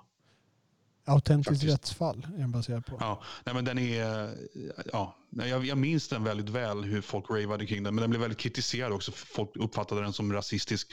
Jag tyckte det var en väldigt eh, seg saga med väldigt eh, en, endimensionell berättelse. Vilket det kanske ofta blir när man ska eh, återskapa något som har hänt. Ja. Vi har sen Pojken med cykeln. Um, vad det nu är, av Dardenne-bröderna. Okej, det är säkert bra. Fransk depp. Sen Belgisk depp. belgisk depp, förlåt mig. Eh, Tinker, Tinker Tailor Soldier Spy som jag vill se av Thomas Alfredsson med... eh, Gary Oldman. Gary och, Oldman, tack. Ja, och det är, jag har faktiskt funderat på det Robert, om vi ska göra en, ett, ett, ehm, ett avsnitt där vi ska prata om de tre filmer jag har somnat under.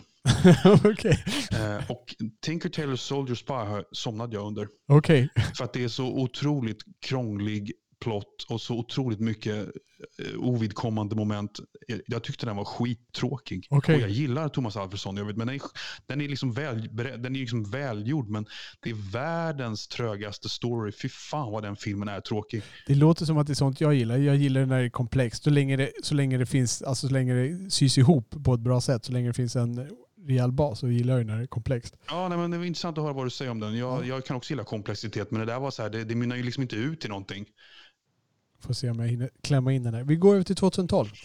Och då är Amour av Mikael Han- Haneke. Ja, den är överskattad av DN. Den är, den är fin, men den, det är ingen femma. Sen har vi Django Unchained. Ja, ja, ja, ja, ja, ja, jag vet inte. Det, det är en Tarantino-film och det är underhållning men det, det är ingen, eh, det är ingen femma-film. Nej, alltså, nej, det är ingen film. nej. Ja. Jag är inte ens så underhållen så jag skulle vilja ge den en fyra. Liksom. Du gör mig galen av David. Russell. Lå- Ja, ja det, det är en charmig film. Men intressant att det får en femma. Det är ju väldigt Hollywoodifierad film. Det är ju ingen arty stuff. Den är ju lite charmig sådär. Har du sett den? Nej, det har jag Det, inte. det är Jag ju det Silver är. Linings, Ja, tror jag. Vadå, Silver. Linings Playbook? Ja. Nej, nej, nej. Jo, jo, kolla om det är det. Jag är nästan säker på att det är det. Vänta. Katastrofen hänger i luften när Pat möter Tiffany. Psykotisk energi möter smärtsamma dramaserien särpräglad komedi som Kerstin Gazelius. Vi ska se. Jag trycker Jo, fram det- den. Ska vi se. Ja visst det är det. Det är Silver Linings Playbook. Ja. Det är svenska tittar på Silver Linings Playbook. Men ja, okej, den var ju bra. Eh, femma vet jag inte men jag kan leva med att det är en femma. Men Mm. jag skulle inte ha satt en femma själv. Nej, inte jag heller. Eh, Lawrence Anyways av Xavier Dolan. Sen Palme av Kristina Lindström och Maud Nykander. Um, det Det är är en alltså, jättebra dokumentär tycker jag. ja det är det, okej. Ja, Ja. det är det. Sen Men det, är, det blir väldigt märkligt. Ja, vad ska man ge en femma? Du och jag pratade om, vi har ju pratat om det Ja. att, eh, när vi pratar om tior. Att jag, tycker det, jag har sagt att det ska vara svårare att ge en tia än en femma ja, eh, på IMDB. Men samtidigt så är det så här, lättare med IMDB-måttet. Då kan man ju liksom pendla lite mellan 7, 8, 9, 10. Men alltså här måste man hoppa mellan 4 och 5 precis. när man betygsätter. Så. Ja, och det finns ju liksom låga femmor och höga femmor också Mm. på något sätt. The Dark Knight Rises är den sista filmen från 2012. Eh, och jag tycker det är lite konstigt. Det är den tredje filmen i Nolan-trilogin om Batman. Ehm, och då tycker jag väl att det är den andra filmen som ska ha en femma om något. Där det är skådespeleri av dess nåde. Men är det inte så, jag vet inte om, alltså den andra filmen det är, ju, det är ju en liten show av Heath Ledger. Jag tyckte den filmen var lite väl lång, Ja, jag ja, jag vet att många tycker det. Jag har inget emot att den är lång, men jag förstår de som tycker att den filmen är lite för lång. För att den, den drar ut på, på scenen lite grann. Jag, jag tycker om sånt där, liksom, men eh, jag, jag vet att det inte är för alla. Den, den blir liksom lite långsam. Men Mm. Dark Knight Rises, det är en sån fantastiskt bra film. Då. Jag, menar, man saknar ju man saknar mycket i, i den där filmen tycker jag. Jag har ju fortfarande inte sett den, men jag har fått den spoilad för mig. Så. Sen kommer vi in på en regissör som jag känner att jag vill se mer av. Steve McQueen som har gjort då, Vilket år är det här, förlåt? då är vi 2013 nu. Eh, men så här, eh, det kan ju inte vara sexmissbrukarfilmen, för det är ju något år eller två innan. Det här är alltså 12 years a slave. Helt rätt, mycket bra Oliver. Ja, den är jättebra. Den, Ja. den, den kan jag faktiskt ge en femma. Den, eh, den måste jag ju se då. Det är mycket Steve McQueen jag hör som jag vill se. Jag, jag, jag hör mycket om honom, folk som pratar så jag vill se. Sen återträffen av Anna Odell Mm. som du hade, eller som vi diskuterade på. Hur var det? Var det, var det en av dina svenska favoriter? Det var min bästa svenska film. Ja. Ja, just det. Mm. Ehm, Den är, vi pratade ju om det, att liksom den här första passagen där hon liksom iscensätter klassåterträffen ja. är ju mästerlig. Och sen så tappar den ju lite i allt metaprat och sådär. Men Mm. jag tyckte ändå att det är den bästa svenska film jag har sett på grund av att det är så bra, den här början. ja. ja det, jag tyckte också den var riktigt bra. Ehm, sen har vi Selfish Giant av Cleo Barnard. Den är jättebra. Det är en väldigt bra deppfilm. Som vi märker så känner jag till fler filmer än du här, Robert. Ja, verkligen. Verkligen så. Namn och regissör och allting. Det är, nu är uppe i kretet och pletet här. Eh, nu ska vi se, 2014.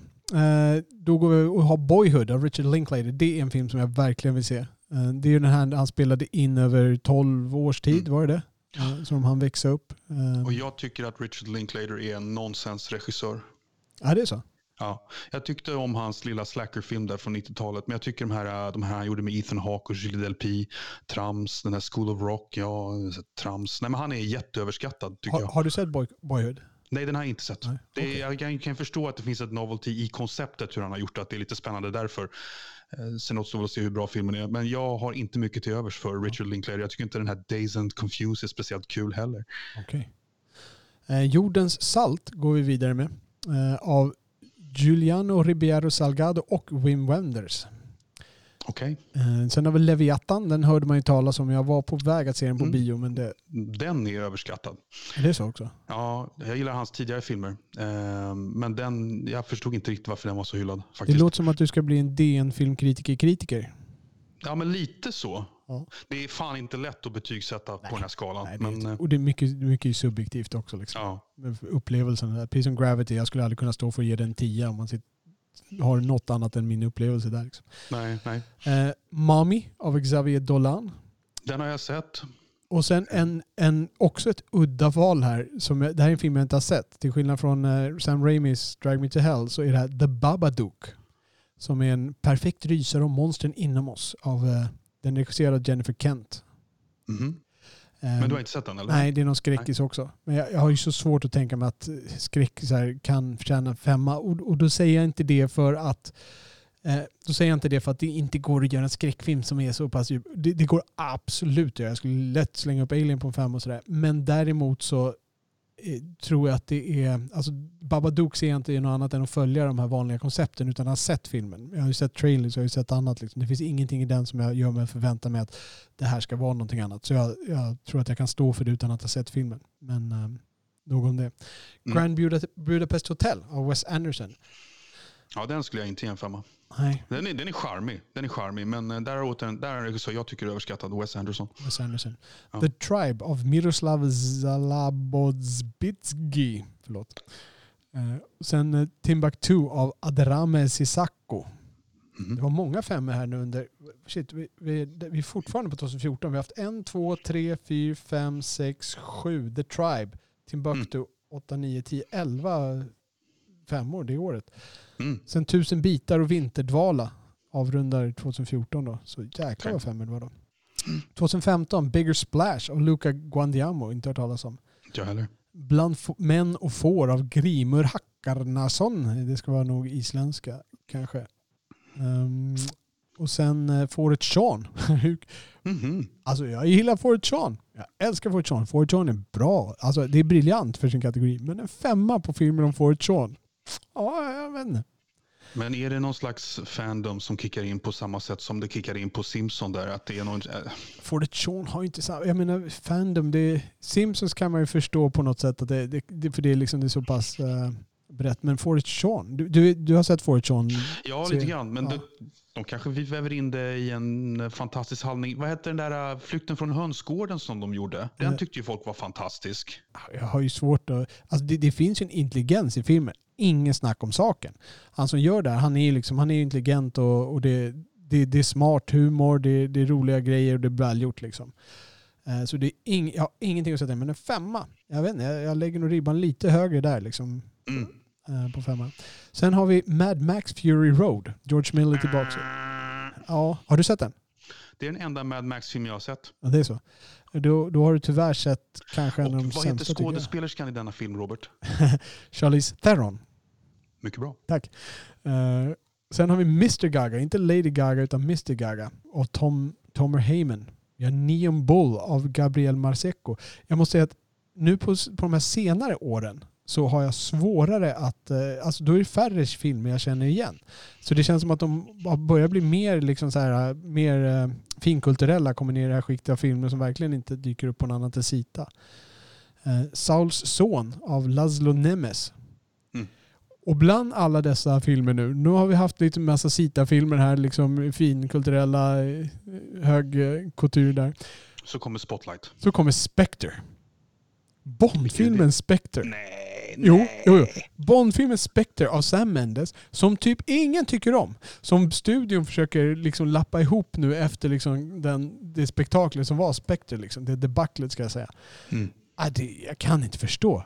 Eh, Så här skriver jag. Spectre är en känslomässig fullträff som på ett smart och stilsäkert sätt knyter ihop de lösa trådarna från alla fyra filmerna med Daniel Craig. Tycker Helena Lindblad. What the fuck Helena Lindblad? Du heter Lindblad. Det här får du ju, här får du ju höja ribban. Ah, Kanske en Sam Mendes-fan, jag vet inte. Ja, jag vet. Ja, Sam, jag är ju anti-fan på Sam Mendes. men Ja, det, precis. nej, det, jag kan inte förstå hur man kan ge den en femma. Det finns ju inte. Nej.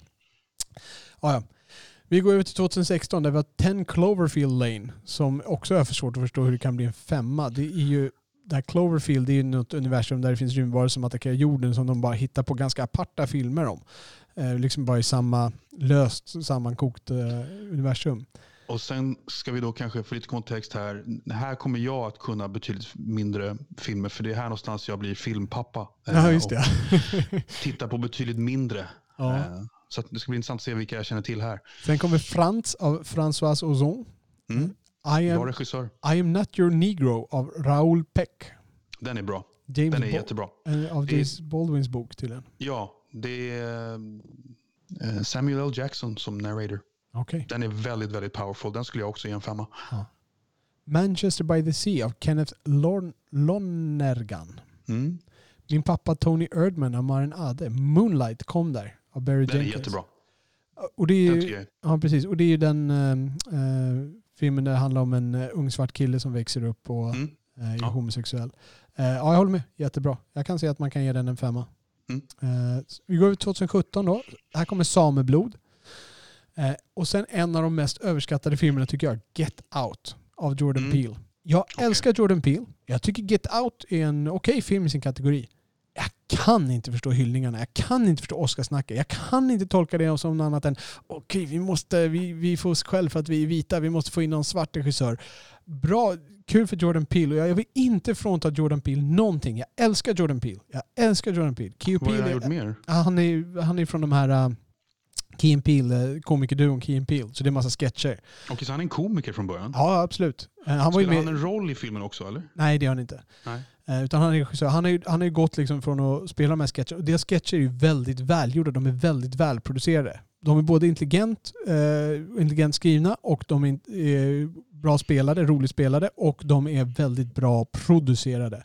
Det är Mm. hög eh, produktionskvalitet på dem. Och jag, jag kan, utan att veta det så kan jag misstänka att det är där Jordan Peele liksom har fått eh, experimentera och få fram sitt. Och han har Ja, börjat, måste- han har ja. börjat skräckfilmer, Get Out och sen gjorde han Us, heter den eh, andra Mm. va? Eh, och och liksom det, det är fine. Det, det är en fine skräckis. Det är inte riktigt min tekopp de här typerna av skräckisar. Men det finns ingenting som är så jäkla speciellt med den här filmen. Det finns ingenting. Jag älskar Jordan Peele men den här berömmen är överdriven. Ja, jag, jag vet att jag träffat på en annan kollega och polare som ratear den här väldigt högt. Så det är inte bara kritiker. Nej, det är så. Mm. jag skulle gärna, kan du få på dem på den här podden så får de Ja, förklara för mig Douglas, det- Douglas Ja. berätta, berätta vad är det som är så bra med, med Get Out? Precis. Då kan du lämna en kommentar där eller kan vi få Mm. ringa upp dig nästa gång vi spelar in så får du berätta varför är Get Out en så pass bra film. Jag kan inte förstå det. Vi går över till eh, The vi har, eh, nu höll jag på att försäga mig, jag skulle fråga dig. Det var en Ruben Östlund-film till. Vad är, vilken film är det då? Ehm, ja, men det är ju den här um, som han i The Wire är med på något litet hörn. Jag vet ju vad den heter, men jag kan inte komma på vad den heter. The Square. Just det. Mm. Precis. Eh, sen har vi The Killing of a Sacred Deer av Yorgos Lanthimos. Var inte han som hade ett eh, grekiskt drama tidigare också? Eh, 120 slag i minuten av Robin Campillo. Och sen Mhm. Amatörer av Gabriella Pichler. Eh, 2018, filmer som jag mm, en enda film jag har hört talas om. Gräns av Ali Abasi. Shoplifters av Horikatsu Koreeda. Koreeda förlåt. Mm. Och sen Goliat som jag i alla fall har hört talas om av Peter Grönlund. Mm. Också en sån här film som jag tänkte se. 2019, Amazing Grace av Sidney Pollack. Och där kommer återigen Us. Jag har inte Förlåt, får, Ja. förlåt, får jag bara säga en sak? Eh, kom Sidney Pollack med en film så sent som 2019? Det känns som att han dog för inte så, alltså för något år innan nästan. Bra fråga. Amazing Grace, regi Sidney Pollack. Det är nästan svårt att tänka sig att någon konsertfilm som skildrar sin artist i mer förunderligt ljus. Ja, den där ja. Ja, Eh, jag visste inte att det var Sidney Pollack, men det är en Aretha Franklin-film, eller hur? ah, okej. Det kanske Mm. är. Ehm, sen har vi då Us av Jordan Peele. Nu är det återigen Jordan Peele och de har gett en femma även till Us. Inte bara Get Out och Us. Utan, och den har jag inte sett. Eh, Jag har, jag har svårt att tänka mig att det är en femma men jag får, där, där vågar jag inte vara lika, lika kaxig. Eh, The Favourite, Yorgos Lanthimos. Sunset av Laszlo Nemes. Sen kommer Joker av Todd Phillips. Och sen kommer... Ja, du tänkte Ja, säga nej, men bra, ingen femma. Nej, Men äh, bra, Ja, bra film. Bra film. Ehm, jag vet inte riktigt vad den filmen saknar eh, för att jag skulle kunna ge den en femma, men jag tycker inte riktigt att det är en, en femma. Ja. Och sen en film jag inte kan förstå de som gillar. Den, det känns som att i den här finns det bara två läger. Det finns typ läget femma, det finns läget tvåa. Det finns inga treor och fyror. Det är Martin Scorsese som får, eh, får, jag tror att det är hans namn som gör det, The Irishman, får en Mm. femma. Jag, ehm, jag kan inte förstå det. Ja, det, är, det är som du säger, det är, det är väldigt mycket Camp 5 och Camp 2. eh, Ja. Och jag har då inte sett den här. Jag tror att du kommer vara i Camp 2 också. Alltså det Ja. Alltså den, är, den är långsam och lång. Och jag, har, jag har inget emot långa filmer men det, är liksom, det, det finns ingen riktig poäng i längden här. Nej, Ehm, nej. det är bara- ingen så här krånglig story utan det är bara, det är Ja, bara, det är bara långsamt Tralla skit, ja. på och det går där och så okej nu ska vi skjuta. Ja, sköt om honom och så går de vidare. Liksom. Det, det finns Mm. inget drama i den på något sätt. Det, det finns Nej. bra scener men inget drama. Ehm, Marriage Story som du gillar, Noah Baumbach. Mm. Baumbach ska jag säga. Mm. Eh, sen Porträtt av en kvinna i brand av Celine Sciamma. Och sen en av de mest överskattade som jag tror vi den här i våra första avsnitt, Parasit av Bong Joon-Ho. Just det. Ehm, som jag inte kan förstå hur den är så hyllad. Helt okej som vanligt. Liksom. Det är sällan de här filmerna är dåliga. Det Mm. Men där är det så här, jag, det känns som att där har vi ett, ett, ett Camp 5 och så har vi också något så här Camp Stark 3 med dig och några, Ja. två till. Typ. Precis. Ja. Sen en film som jag kan se en femma på. Uh, Uncut Gems. Ja. Den är ett mästerverk i sin kategori. Vi går över till 2020 här och får in eh, Baby Teeth av Shannon Murphy. Mhm. Wolfwalkers som jag jättegärna vill se av Ross Stewart och Tom Moore som jag ska se om jag, jag ska försöka se om jag kan eh, om det här är en lämplig film för att se med hela familjen. De skriver nämligen Wolf Walkers är ett underbart äventyr för hela familjen som lyckas vara både tidlöst och eh, spännande. Och det är en animerad film som ska vara väldigt speciell. Ehm, så att den är jag mycket nyfiken på. Um, vad har vi sen? Vi har Jalda, Förlåtelsens natt av Masoud Bakishi och The Painted Bird av Vaclav Marhul. Återigen mycket filmer jag inte hört talas om här. Och sen 2021, två filmer. Hittills har de lyckats klämma in femmor på. Det är Steve McQueen med Small Axe Lovers Rock. Mhm. det- ja, det är den här filmserien som går på SVT. Det är ju en Ja. drös med filmer. Ja. Precis. Och jag har hört om den där och de har gjort mig jättenyfiken på att se dem. Sen är det Chloe Zhao med vilken film då? Ingen aning. Nomadland. Det är ju den som Ja. dundrar upp som stor Oscarsfavorit. Jag tror den är överskattad. Jag är helt övertygad om att den är överskattad. Faktiskt. Ja. Den är Eh, svårt att jag underskatta eftersom Ingenting, ingenting emot Frances McDormand. Tycker hon är bra. Men för mig, hon är ingen, enast, hon är inte, hon är ingen enastående skådespelare som kan bära en, en film själv, tycker jag. När hon, men liksom så här, vi har ju bägge konstaterat att Fargo, ja, Ja, absolut. Fargo är inte min favorit. Men Nej. då, då håller jag henne högre i, eh, eh, vad heter den, Billboards uh, Outside ja Missouri. den, den har ju jag inte sett, Nej. ska sägas. Nej. Och eh, hon gör den bra där. Hon, det är ju en, det är en begränsad roll, men hon gör den bra. Eh, Ja. Det, det är inte en jätte, alltså, den är utmanande på ett visst sätt, men den utmanar inte ett spektra, den utmanar ett spår kan man säga. Och det spåret Okej. kör hon bra på. Ja, så det var min, eh, den blev en ganska lång trivialitet, men eh, ja, jag tyckte det var intressant att se det och det var framförallt de här femmorna, just uh, Spectre och sen Drag Me To Hell. Hur fasen får en femma på den? Jordan Peels filmer kanske överskattade, i alla fall Get Out. Och det är ganska intressant också hur många regissörer som inte var brittiska eller amerikanska. Det var väldigt mycket, ja det var liksom iranskt och grekiskt och Ja. cypriotiskt och Svenskt. turkiskt och what have you. Och inget fel med det, men bara intressant.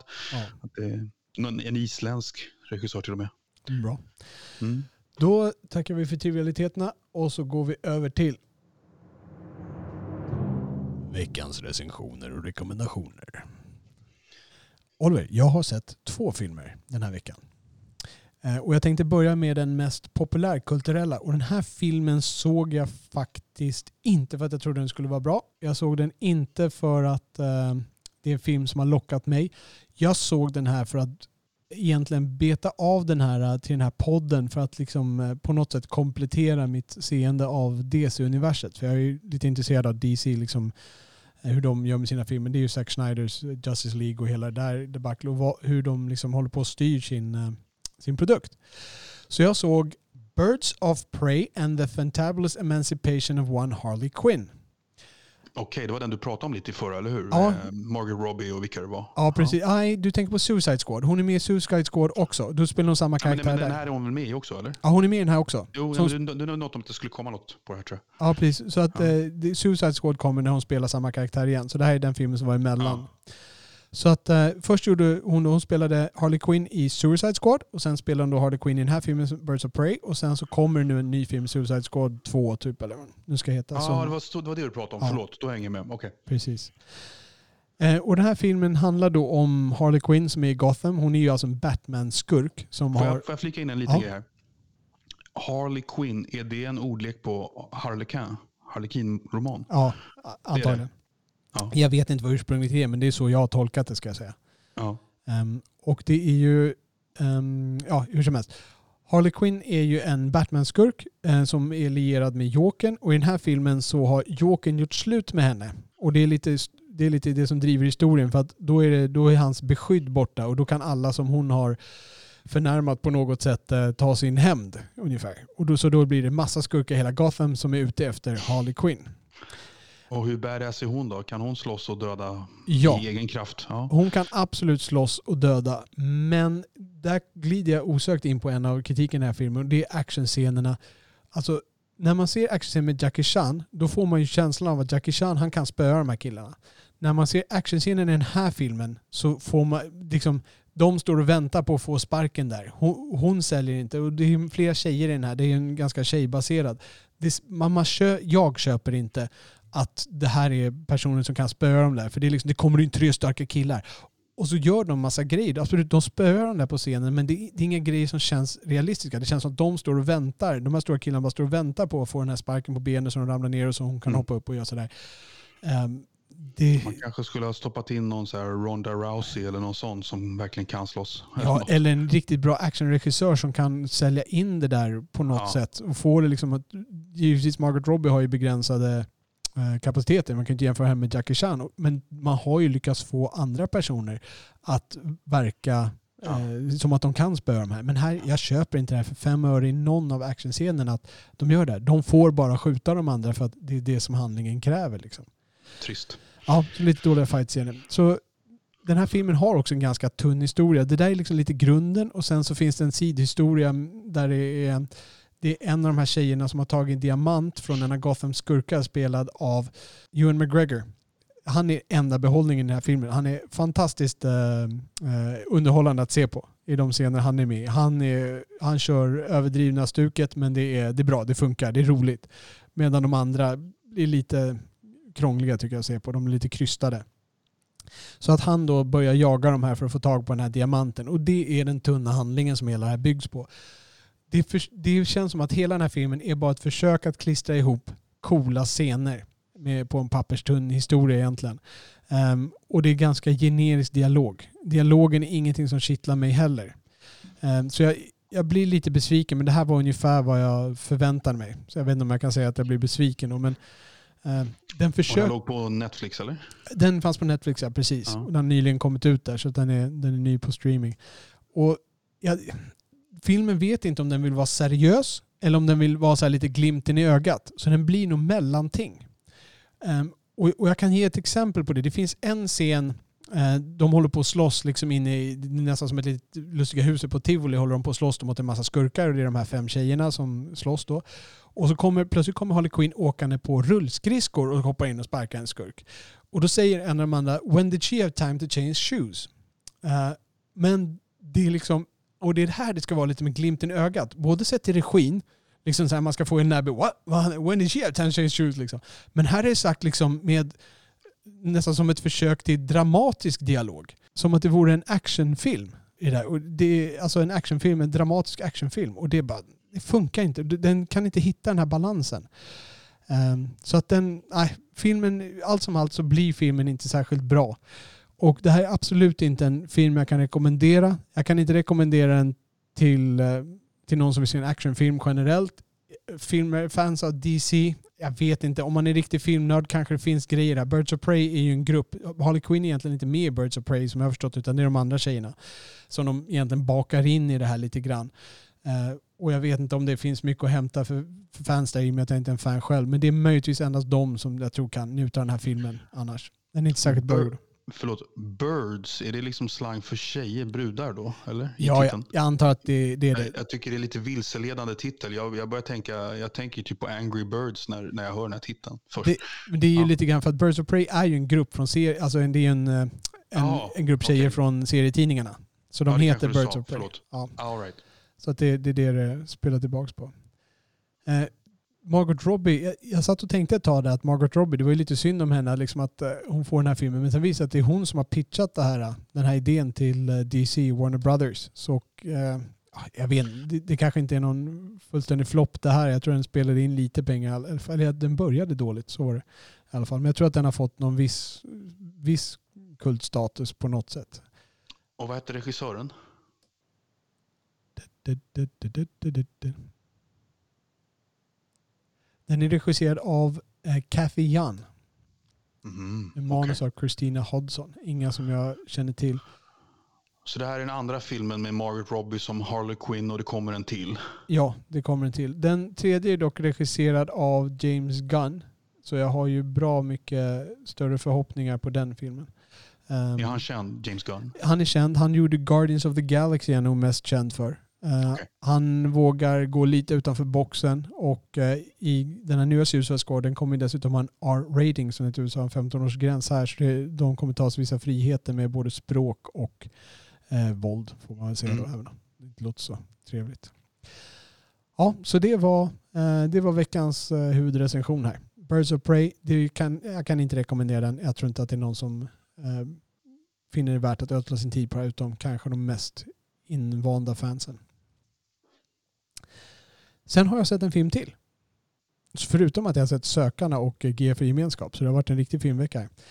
Eh, Crazy Rich Asians tittade jag och min fru på, som är en romantisk komedi. Eh, det är, vad ska man säga, är det Hollywoods grädda av asiatiska skådespelare.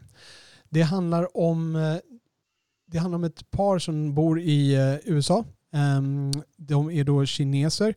Eh, men de har, den ena har familjen kvar. Familjen har flyttat till Singapore och han är, visar sig sen en bit in då är han väldigt rik. Så han är son då till en väldigt rik eh, familj. Och sen är det den andra tjejen då som är dotter till en mamma som driver en, eh, jag tror att det är en sån här tvättfirma ungefär. Och som har en lite, mera, lite mer magra medel. Hon är väldigt smart själv och är numera professor i ekonomi på NYU tror jag, New York-universitetet och de då ska åka på ett bröllop. Eh, en av hans eh, killens vänner i Singapore då gifter sig. Så hon får följa med på bröllop. Och då kommer hon till den här superrika kinesiska familjen. Och det är, två, det är två aspekter i det här. Dels så är den ju superrik. Så att de ligger på en annan nivå kul, eller, i sin kultur. Och sen är de också kinesiska. Och medan hon också är kinesisk så har hon växt upp i USA och liksom växt upp med mer amerikanska normer. Så hon är inte så kinesisk kulturellt sett. Mm. Eh, och det, det, låter som att stereotyperna haglar. Ja, det, det, det gör han lite grann. Och det, ehm, ja, det blir är ju det komplikationer. en kinesisk eh, regissör? Eller vem är regissören? Är det någon eh, John Smith eller är det någon eh, med någon liten asiatisk bakgrund själv? Regissören till den här filmen är John M. Chu. Och, Det ju eh, lite asiatiskt i alla ja, fall. han, har, han har gjort amerikanska filmer. Han har gjort de här Now You See Me. Eh, han gjorde tvåan där och han har gjort lite G.I. Joe-filmer. Han har inte gjort så jättemycket så här framgångsrika filmer i övrigt. Han har gjort biofilmer men inte så jättemånga succéer. Eh, men den här filmen blev ju en hit faktiskt. Ehm, så att där kom han upp på tapeten.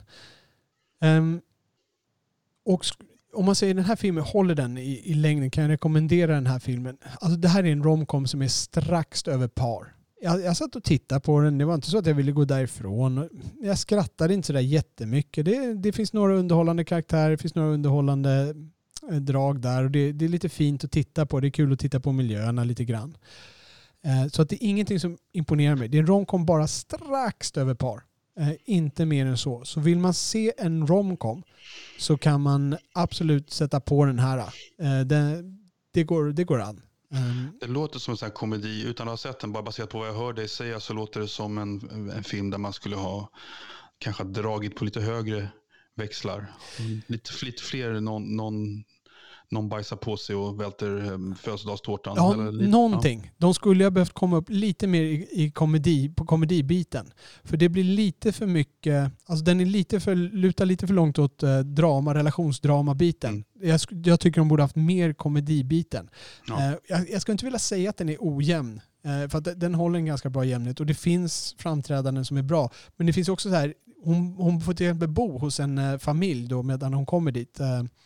Och den familjen är ganska rolig. Och den skulle man kunna spela med på. Där sitter många av de här roligaste eh, asiatiska skådespelare i min... eh, I mitt, jag kommer inte ihåg vad han heter tyvärr. Men sen är Aquafina som du kanske har hört talas om. Nej, Aquafina är en asiatisk skådespelare. Hon har blivit lite på tapeten. Det här var hennes genombrottsfilm och hon har tidigare varit eh, eh, en del musik, liksom gjort sig känd genom det. Är hon huvudpersonen eller? Nej, hon är inte huvudpersonen utan hon blir en kompis till huvudpersonen. Okej. Och hon, hon driver den komiska ådran i filmen ganska hårt.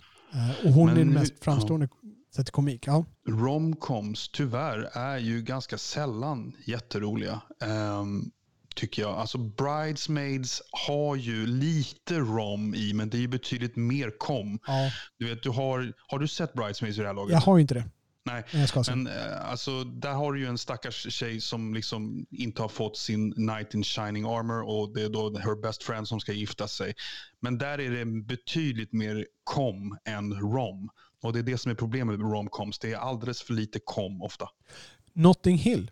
Om man ska hitta någon som är bra. Nej, jag tycker inte den är Jo. kul. Nej, men den är okej. Den är lite rolig, den är lite smårolig. När han, lite- in och ska vara, gullig. när han kommer in och ska vara hästreporter där i intervjun där och ska låtsas vara häst. Nej, I'm jag skrattar. not, too, I'm not too impressed. Jag tycker den är charmig. Det, det tycker jag är en charmig romantisk film. Jag tycker inte den är så rolig. Fyra bröllop. Men jag vet att jag är ganska ensam där. Är ju- Den är ju, ravar ju folk mycket över. Fyra bröllop. Och en begravning. ja, lite smårolig. Jag är ju, ja, nej, men som jag säger, jag tycker att det är svårt med romcoms. Att de sällan är roliga. Alltså så här jätteroliga, att jag gapskrattar. Jag menar, jag tycker liksom American Pie, där någon av dem finner kärlek, det, det tycker jag är bra romcom. Det är väl med det ju, kommer ja, men, Robert, ja, så- nej, men, som, men det är ju så här, när den är romcom, det ska ju vara, det är väl nästan underförstått att det ska vara tyngd på rom snarare än kom. Ja. Så vad har, har du någon bra romcom? Vad, vad har du? Ja, men jag, jag skulle nästan kunna kvala in Bridesmaids som en sorts romcom. Okej. Ja, jag måste se den Eh, här. Ja, alltså om, om, eh, om filmen handlar om att finna kärleken eller inte finna kärleken så skulle jag kunna stoppa in eh, Bridesmaids som en romcom. Ja. Eh, men du vet, eh, vad heter den då? Den är inte heller speciellt rolig men är hyllad. Den här med, med Julian... ehm, med Julia Roberts och Cameron Diaz. Eh, My Best Friend's Wedding Ja, heter just den det. va? Ja. Det är charmig men jag kan inte påstå att jag skrattar speciellt mycket. Du vill ha mer comedy, mindre romantik. Ja, Ja. och då är jag ändå jag är någon slags romantiker at heart. Men jag tycker den där uh, matchen är väldigt, väldigt svår. Mm. Norbit kanske? Ja, den är skitkul. Ja, ja. Ja, ja. Nej men alltså pruttkomedier och sådär. Ja. Ja. Det är, ja men Norbit han finner ju kärleken där. Men ja, där, jag är inte beredd att kalla det för en romcom. Antingen ska det vara tjeckoslovakiskt lidande eller också ska det vara en jänkare som sitter och bajsar på en toalett. Ja, jag, bara, finns, jag har mer nyanser än så. Men jag har det, jag lovar. Ja. Ehm, så jag, jag är faktiskt, jag tvekar på mig. Jag, jag måste nästan lämna tummen ner på den här för jag tycker det finns ehm, andra komedier som man kan välja som är bättre. Men den är verkligen marginell. Och gillar du romcoms, då, då kan du se den här. Men då behöver du gilla romcoms. Annars så är det här en lite dussinrulle. Eh, det finns ingenting som sticker ut mycket värt att se det.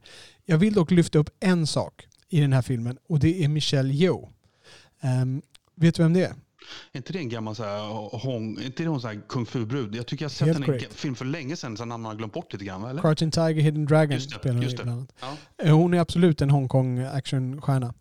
Eh, Och den, hon som skådespelare har en riktig bredd som hon visar här. Liksom en, en annan nyans av. Alltså hon, hon har, jag har sett henne spela i många filmer. Det är action, det är drama och så vidare. Och här spelar hon en, hon spelar mamman då. Och det är den här mamman som är antagonisten ungefär då, för att det är hon som sätter käppar för sin son där och hon ska ha det här kinesiska och man måste in i hennes familj, då ska man vara så här och så vidare. Och den här amerikanska tjejen, hon passar inte in liksom. Är det hon som, är det, visst är det hon som är den lite yngre kvinnan i Crouching Tiger, Hidden Nej, Dragon? hon är den äldre kvinnan som Det är... är den äldre, hon som är kär i Chow Yun-Fat Ja, just det. Ja, okej. Precis. Så att, eh, eh, Eh, och, och hon gör den rollen jättebra. Det här är en roll som inte är så här jättelätt att balansera. Men man får verkligen den här känslan. Utan att det är överdrivet eller karikatyr så säljer hon den rollen. Och jag, jag tar av hatten för Michelle Yeoh. I, och, alltså, nu, har- jag har sett henne på så många sätt. Jag har sett henne lite komik, jag har sett henne i action, jag har sett henne och hon grejer allt. Ehm, det är, där har vi verkligen en bra skådespelerska. Alltså någon som visar sin bredd genom olika filmer, olika roller och grejer allting bra. Trist att hon har blivit lite... Ja, jag hade glömt bort henne lite grann. Ehm, Ja, hon är inte Hollywood-stor liksom. Men jag tror att Nej. hon är Hongkong-stor. Eh, bra, alltså det var det. Det blev två, två avrekommendationer på recensionen den här gången. Eh, hoppa över Birds of Prey och eh, se bara Crazy Asians om ni verkligen tycker om romantiska komedier. Så vad kan vi då istället rekommendera Oliver? Jo, jag skulle vilja rekommendera en film som kom 2012 ungefär. Ehm, Den heter Rust and Bone. Rust and Bone. Och eh, Det här är av en fransk regissör som jag tycker väldigt mycket om som heter Jacques Audiard. Han har tappat lite stinget de senaste fem sex åren får jag en känsla av. Han har gjort eh, lite sämre filmer på sistone men han gjorde en hel drös med bra filmer. Han gjorde Mitt hjärtas förlorade slag. Ja. Han gjorde En profet, två fantastiska filmer. Han gjorde två filmer dessförinnan som jag inte kommer ihåg vad de heter som också är bra. Och det här är då Rust and Bone med eh, Frankrikes, kan man säga att det här är Frankrikes kändaste skådespelerska i nuläget, Marion Cotillard. Hon är väl nästan den kändaste. Det måste man väl säga. Jag kommer inte på, hon har väl petat Juliette Binoche som hade Ja. titeln innan. Ja. Ja. Och sen har du ju Catherine Deneuve och lite gamla gardet som väl försvinner vid det här laget, tyvärr. Men, men äh, det här är alltså då med Marion Cotillard som spelar en tjej som äh, hon, är, hon är på en sån här waterworld någonstans i jag tror är södra Frankrike. Eh, hon är på en sån här waterworld, vad kallar man det för? Disney World, du vet vad jag menar? Ja, Eh, precis. Ett äh, äventyrsvärld, vad heter det? Ja. Ja, vad- jag vet inte ens vad det heter, men ja, det, f- Seaworld typ. Någon slags franskt Seaworld eller vad man ska säga. Och där är hon en späckhuggartämjare. Okej, originellt. Och eh, i en... ehm, i, i en, eh, alltså vad mycket engelska ord, accident, eh, olycka. Ja, tack. I en, o, I en olycka så blir hon av med bägge benen. En späckhuggare biter av dem. Biter av mig en Cotillards ben. ben. Bägge benen, ja. Okej. Så hon fastnar i någon, får så här nya proteser och livet är skit. Hon kan inte jobba som späckhuggartränare längre och hon är helt traumatiserad och allting. och då, men sen så korsar, korsas hennes vägar med en, en väldigt kaotisk eh, man som spelas av Mattias Schoenaerts. Kommer du ihåg den skådespelaren? Ja, Robert? just det. Som var med Ja. i den här äh, filmen med ehm, Med Tom Hardy. Tom? Hardy, ja, The- precis. The Drop. The precis. Drop, ja exakt. Väldigt bra belgisk eh, skådespelare som verkligen, jäklar vilken närvaro han har i alla sina filmer. Ja, han stack ju ut i The Drop. Det var hans Ja. utropstecken i den filmen. Ja, eh, han är då en eh, kille som är någon slags... Det ska säga att jag har inte sett den här på tio år, men jag minns den som väldigt bra. Alltså. Mm. Jag, jag vågar säga att den är bra. Men han är då en, eh, en eh, ganska vilsen kille som är, har potential som kickboxare eh, och som är singelpappa och driftar runt med sin son som han tyvärr försummar på ett ganska hjärtskärande sätt bitvis.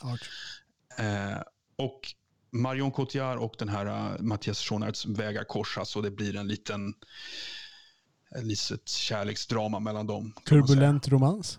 Ja, ganska turbulent. Och mycket av det här franska politiskt inkorrekta eh, rått. Liksom. Det, det är några scener det är hur han liksom försummar sonen som man bara hoppar till lite grann. Ja. Och, och, eh, ja, men det är så bra. bra men han, är, han är lite känd för det, har jag känsla av, Jacques Audiard. Han är, han är känd för någon slags känsliga machofilmer eller vad man ska säga. Den är Mm. ganska macho bitvis. Han, han den här kickboxarkillen, han, eh, han tjänar pengar på, på någon slags street fights arrangemang och, eh, och hon vill då hittar tillbaka till kärleken och finner denna... Han är lite av en karakar, men han är liksom en jävla oas, eller inte oas, en jäkla eh, vattenfall av kaos samtidigt. Så här. Eh, Men det är, en sån här, jag vet inte, det är två väldigt bra skådespelare, både Mm. Cotillard och, och Schonards, eh, i denna mix. Så den, den kan jag verkligen rekommendera. Så varför ska man se den här? Vem är det som, vem är det som ska se den här filmen om man säger så? Ja, jag har alltid så svårt att välja ut mina målgrupper, Robert. det här är filmen jag själv vill se. Ja, men om ni vill se någonting med lite hjärta och smärta eh, som inte är så tillrättalagt. Mm. Om ni inte vill se My Best Friends Chinese Wedding eller vad den heter. Ja. Och, eh, utan nå- någonting som är lite eh, som jag upplever som äkta och ärligt och, och verkligt Mm. med nerv och smärta. Mm. Så köp Rust and Bone. Rust and Bone. Mm. Vad, vad var den eh, franska titeln på filmen? Den heter Rust and Bone. Är det så? Ja, Har vi, Men, eh, har vi en fransk film som har en engelsk titel? Jag tror det var förbjudet i en lag. Ja, det finns en väldigt fin, eh, det finns någon liten fin triumfscen där det blir lite Hollywoodifierat men jag tyckte det var så jävla fint ändå där de spelar, eh, vad heter Katy Perrys låt där?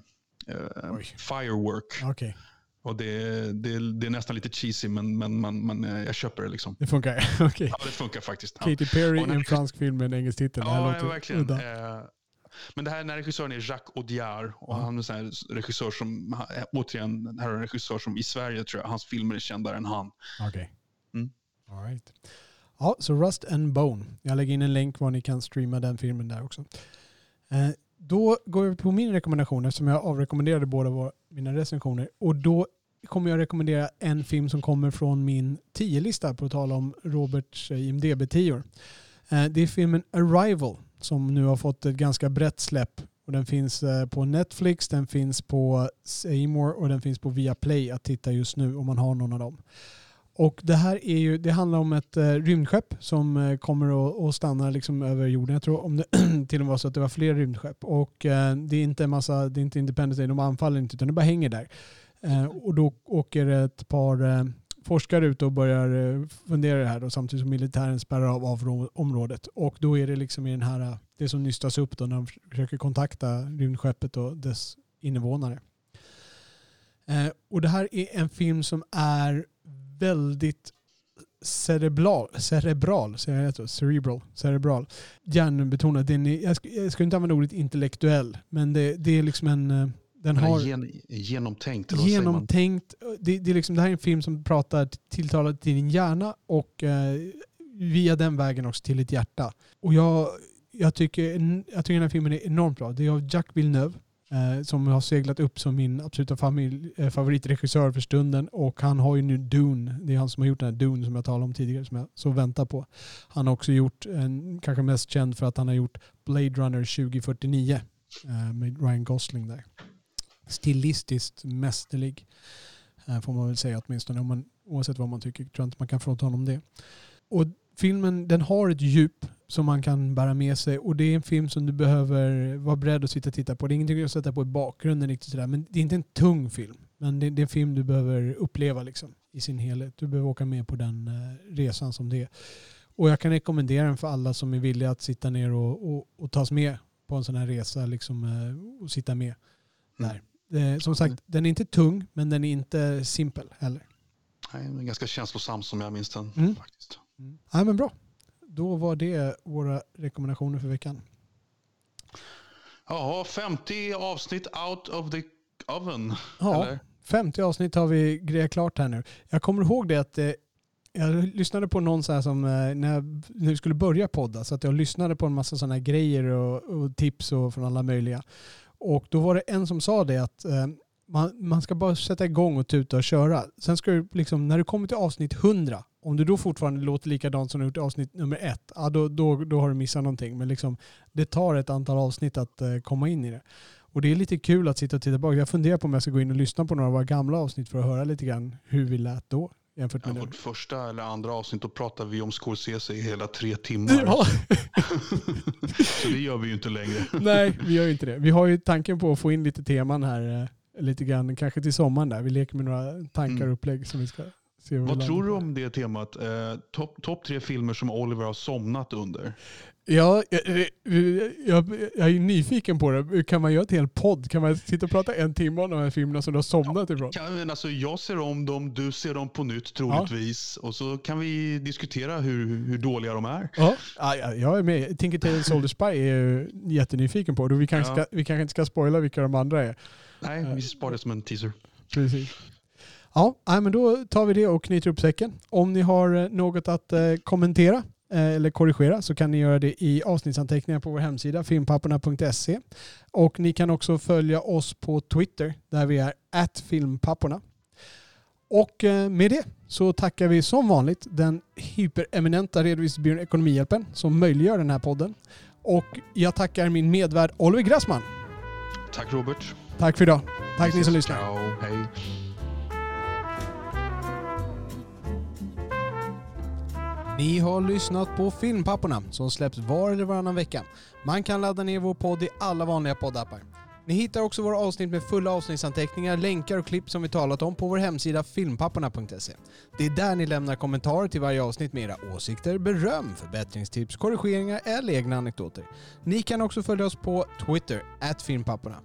Och med det så tackar vi redovisningsbyrån Ekonomihjälpen som möjliggjort denna podd och önskar er alla mörka salonger och så salta popcorn. Grrr.